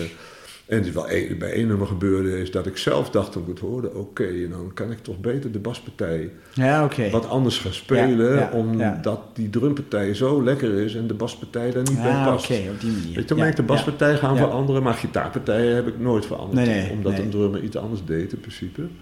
Dus dat zou wel gebeurd zijn natuurlijk. Als je echt zou repeteren, Mm, dan mm. eh, wordt het meer spontaan. Mooi zeg, mooi zeg. Ben, je, ben je tevreden over het album? Tevreden. Is, is dat het wat je Ja, ervan verwacht echt- had? Ja? Ja, ik, ik denk dat ik gewoon ook wel 100% tevre- tevreden ben. Ik ben helemaal tevreden. Ja, tof. Weet Mooi. je, dingen gaan wel door. Mijn ontwikkeling gaat door. Ja, ja. Dat is een van de hoofdpunten van mijn ontwikkeling. Dat ik steeds meer naar puur toe wil. Eh, hoe puur, ik bedoel, ik heb natuurlijk wel mijn vingertjes, die willen van alles natuurlijk, die kunnen ook van Mm, alles. mm. En de kunst is, is wel eh, op mijn level, ja, op, op ieder level, maar op mijn level zeker ook, is dat je gewoon echt speelt wat je hoort. Mm. En niet wat je vingers doen. Mm, Snap je wat ik bedoel? Dus Ja, het- ja. je, moet, je moet uitdrukken wat je werkelijk eh, Ja. doet. Dus dan, dus dat is zeg maar tirelantijnen en poespas. Eh, maar ik denk dat dit al vrij behoorlijk gelukt is. Ja, ik denk dat ik op mijn volgende plaat daar misschien nog wel weer verder in zal zijn. Maar je ik hebt het al over de volgende, hè? De presentatie ik- van... ja, de, nou, ja, ik- ja. Ik heb alweer vijf stukken klaar. Ja, echt, ja? Gaat nou, het die zo snel, niet af hoor. Ja. Ik ben natuurlijk met het album, ik neem dit serieus, ben ik er echt mee bezig. Ook met de promotie, wat dit in feite ook is. Dat je bezig bent, maar ik ga hierna ook echt, eh, ik ben nu lokaal bezig. Er komen al een aantal ja. dingen, een aantal radio- en, en krantendingen eh, mee bezig. Ja. Er komt nog meer, ook voor de twaalfde. Maar dan ga ik in de rest van het land. Ik heb natuurlijk ook contacten natuurlijk in Utrecht, ja. in Groningen. En ook landelijk wel een paar dingen. Dus uh, en, bladen, mooie recensies. eh, eh, dat is natuurlijk ook heel leuk om te krijgen. En interviews. En, en, eh, Dus we gaan nog, we gaan nog meer van meer Rijk van mij horen. ja. wat mooi zeg. Wat mooi zeg. Want ehm, ja, je hebt al even aan gerefereerd. Ik ben zondagmiddag 12 november hè, in het eh, cultuurhuis in Dingsbelo. Wat, eh, wat gaat daar precies gebeuren? Wat daar gebeuren is, is, eh, ja, is dat daar een, eh, een middag komt waar je kan zien waar ik vandaan kom en wat ik de afgelopen jaren heb gedaan, wat leidt tot een heel mooi nieuw album, een hele mooie nieuwe CD. Ja. En dat wordt gedaan, het is natuurlijk instrumentale muziek. En ja, het feit dat er beeld bij is, denk ik, heb ik ook zo bedoeld. Dat Hmm. maakt het makkelijker. Want Ja, je, ja. er is geen zanger die je kan aankijken, er is geen tekst. nee. Het gaat natuurlijk wel ergens over. En, en niet in alle video's, maar in een aantal video's zie je ook echt wel aan de film daarachter Wat- eh, waar, waar het over gaat. ja, dat je toch die, die, niet alleen die emotie Ja. uit, de, uit de instrumentale Ja, muziek, maar ook uit, de uit de beelden. instrumentaal nummer, ook uit de Ja. beelden erbij. Ja. Dus het is voor een deel, ja, dat kom ik eigenlijk nu ineens op om dat zo te noemen, is het ook wel een soort filmmuziek Ja, in dit geval. Ja. Ja. Nou, niet dat ik, ben natuurlijk helemaal geen professioneel filmer, maar ik Nee, heb wel alle, goed. alle filmpjes, bijna alle filmpjes zelf gemaakt. ja, maar dat is toch wel mooi natuurlijk. eh, Ja, en dat is ook gewoon wel leuk. Dus het is een beeldend verhaal. Dus je krijgt een soort, eh, ja, Zomergast is een programma. Je krijgt een, eh, ja, dus je komt in die prachtige theaterzaal. Er is een podium. En Ja, daar ja. zitten wij op, Marijke uh, Verschool Boele en ik. Eh, comfortabele zitjes, niet een of ander barkruk, maar gewoon een lekker zitje, een fijn tafeltje, een kopje thee erbij. En. Een leuk lampje erop. Daarachter is dat hele grote, eh, prachtige bioscoopscherm.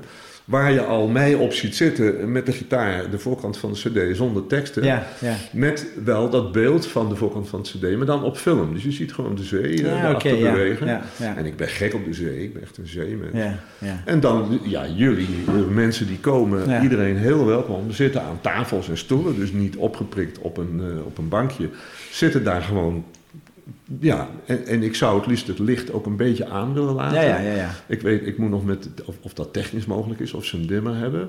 Dus niet eh, filmpje licht uit donker, maar eh, weet je wel, dus de, dus de bedoeling, dus, dus ja. Gewoon zo, zoals het is, zoals je zit en zo. En Ja, dus, dus, zij heeft veel. vragen, ja. Dus Ja. zij, heeft, Ja. zij stelt mij vragen die jij ook doet. Van, hé. Bernard, vertel eens over. Nou, dan vertel ik wat. En je hebt natuurlijk dat scherm erachter. Dus als ik praat over mijn eerste bandje, wat we net deden... dan zie je mij staan als eh, 14-jarig jongetje... Met een jasje Ja, ja. scheef door het basgitaartje... En, en na de hand zie je natuurlijk videootjes ook Ja. van in de hardcore en, eh, enzovoort. Eh, mijn eindexamen, een heel leuk videootje. Eh, Wat een mooie middag dus. het wordt een hele mooie middag. Ja, echt een leuke middag. Ja, het wordt een heel, ik denk, ik, ik kijk er echt naar uit als een gezellige middag. Dus Ja. om daar met z'n allen eh, ja, dat te beleven. Er komt natuurlijk familie van mij, er komen vrienden Ja, uit. Utrecht. Ja, allerlei mensen hier die ik inmiddels ook ken. Ja, mooi? Eh, Ja. ja, Ja. Nee, ik denk dat het een heel gezellig wordt om naartoe te Ja, dus de achtergrond van de stukken worden daar. Hè? De, de video's die je al genoemd hebt. Ja. Toegang is gratis, ben dat? De toegang is gratis. Ja. Ja, dat is eigenlijk simpel. En ik heb toch, toch wel wat cd's verkocht, ook eh, in pre-order eh, aan mensen. Mm. Dus dat vind ik natuurlijk ook leuk dat mensen het album hebben. dus die, een deel daarvan komt ter plekke de CD halen. Nou, eh, hartstikke leuk natuurlijk Ja, om dat ja, zelf aan hun ja. te kunnen geven. En, dan- en dan vond ik van ja, dan moet je niet dat ze daar nog toegang voor moeten gaan betalen. Nee, oké, nee. nee. En ik wil het ook voor iedereen in Dinxelo en in de Heurne en Aalten waar we zitten, wil ik ja, het, het laagdrempelig het, het is lekker je. laagdrempelig, Het precies is dat. gewoon leuk. Ja. Het is leuk dat Ja. jullie komen en, Ja. en kom er naartoe. En eh, laten we er met z'n allen een leuke middag van maken. En vooral ook met elkaar in die zin dat, eh, ja, heb je er vragen over, eh, doe het. Vandaar ook, ook dat het licht aan is. Weet je? Mhm. Het is niet Mhm. zo dat het van één kant, dat wij Het moet niet besloten blijven, ja. jullie wat voor te stoken. Je, je, je zoekt wel de interactie in Zoek interactie. ja. Zeg iets wat. eh, je hebt net een filmpje gezien.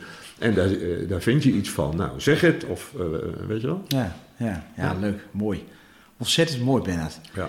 Eh, we hebben het over van alles gehad. Jij zei straks toen ik binnenkwam, Hans, eh, anderhalf uur, hoe moeten we dat vullen?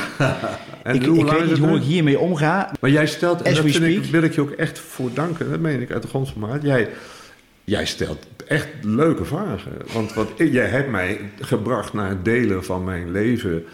Eh, ja, stukjes ook, net met die boksen. Nou, dat heb ik echt al eh, lang niet meer gezien. Ja, en het Hoe mooie, was, ja, nee, en het mooie is, je- want jij, ik zat straks op jouw plek toen we begonnen en zei, ja, maar daar wil ik zitten, want ik moet naar buiten kunnen kijken. Ja.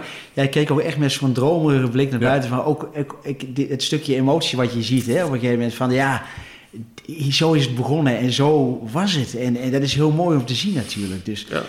Bernard, bedankt voor de Ja. eh, openheid en, en het vertrouwen in het gesprek. Hè? Het in dusdanig vertrouwen Ja. dat iedereen het eigenlijk mag horen. Hè? Zo is het dan weer wel. Ja. Ehm, ja, ik- wil jij nog ergens op terugkomen? Dat is altijd mijn laatste vraag eigenlijk. Nee. Van, joh, eh, Nee. nee. Nee, ik, ik, ik sta zelf heel blanco in zoiets. Hmm. Maar ik, eh, ja, ik vind bepaalde dingen belangrijk.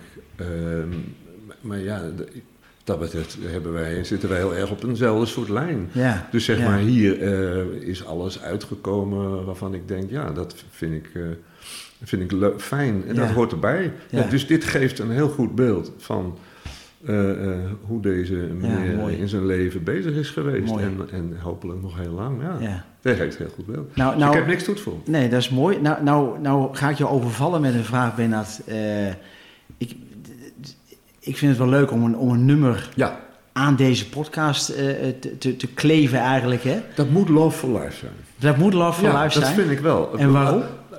Ja, ook, ja omdat dat... eh, eh, ja, die titel is de titel Ja, van de- het album. Daar hadden we al even... En, en eh, eh, hoe heet het? Ja, het is onmogelijk om één nummer te noemen waar alles in zit. ja, Daar zou ik heel diep moeten nadenken. Misschien Ja. is er wel een nummer waar meer kanten in zitten, zou ik maar zeggen. Maar ja, s- ja dan moet je inderdaad eh, de cd gaan luisteren. En dan ja alle ik denk, nummers, zou ik maar ik, zeggen. ik denk Love for Life, hoe je het ook uitlegde straks. Hè, Ja. van, joh, is dat, de, wat ik in het verhaal ook hoor, een beetje jouw, de rode draad in jouw leven. Hè, dat dit ook wel een heel mooi slot is van deze podcast. Dat we daar ook denk ja. lekker lichte muziek en ik, zou dat, ik zou dat lekker draaien. genieten van. Bernard, nogmaals dank. Dankjewel. Jij ook. En Ja. eh, we gaan elkaar zeer zeker nog een keer spreken. Ja. Top, Look. Thank you.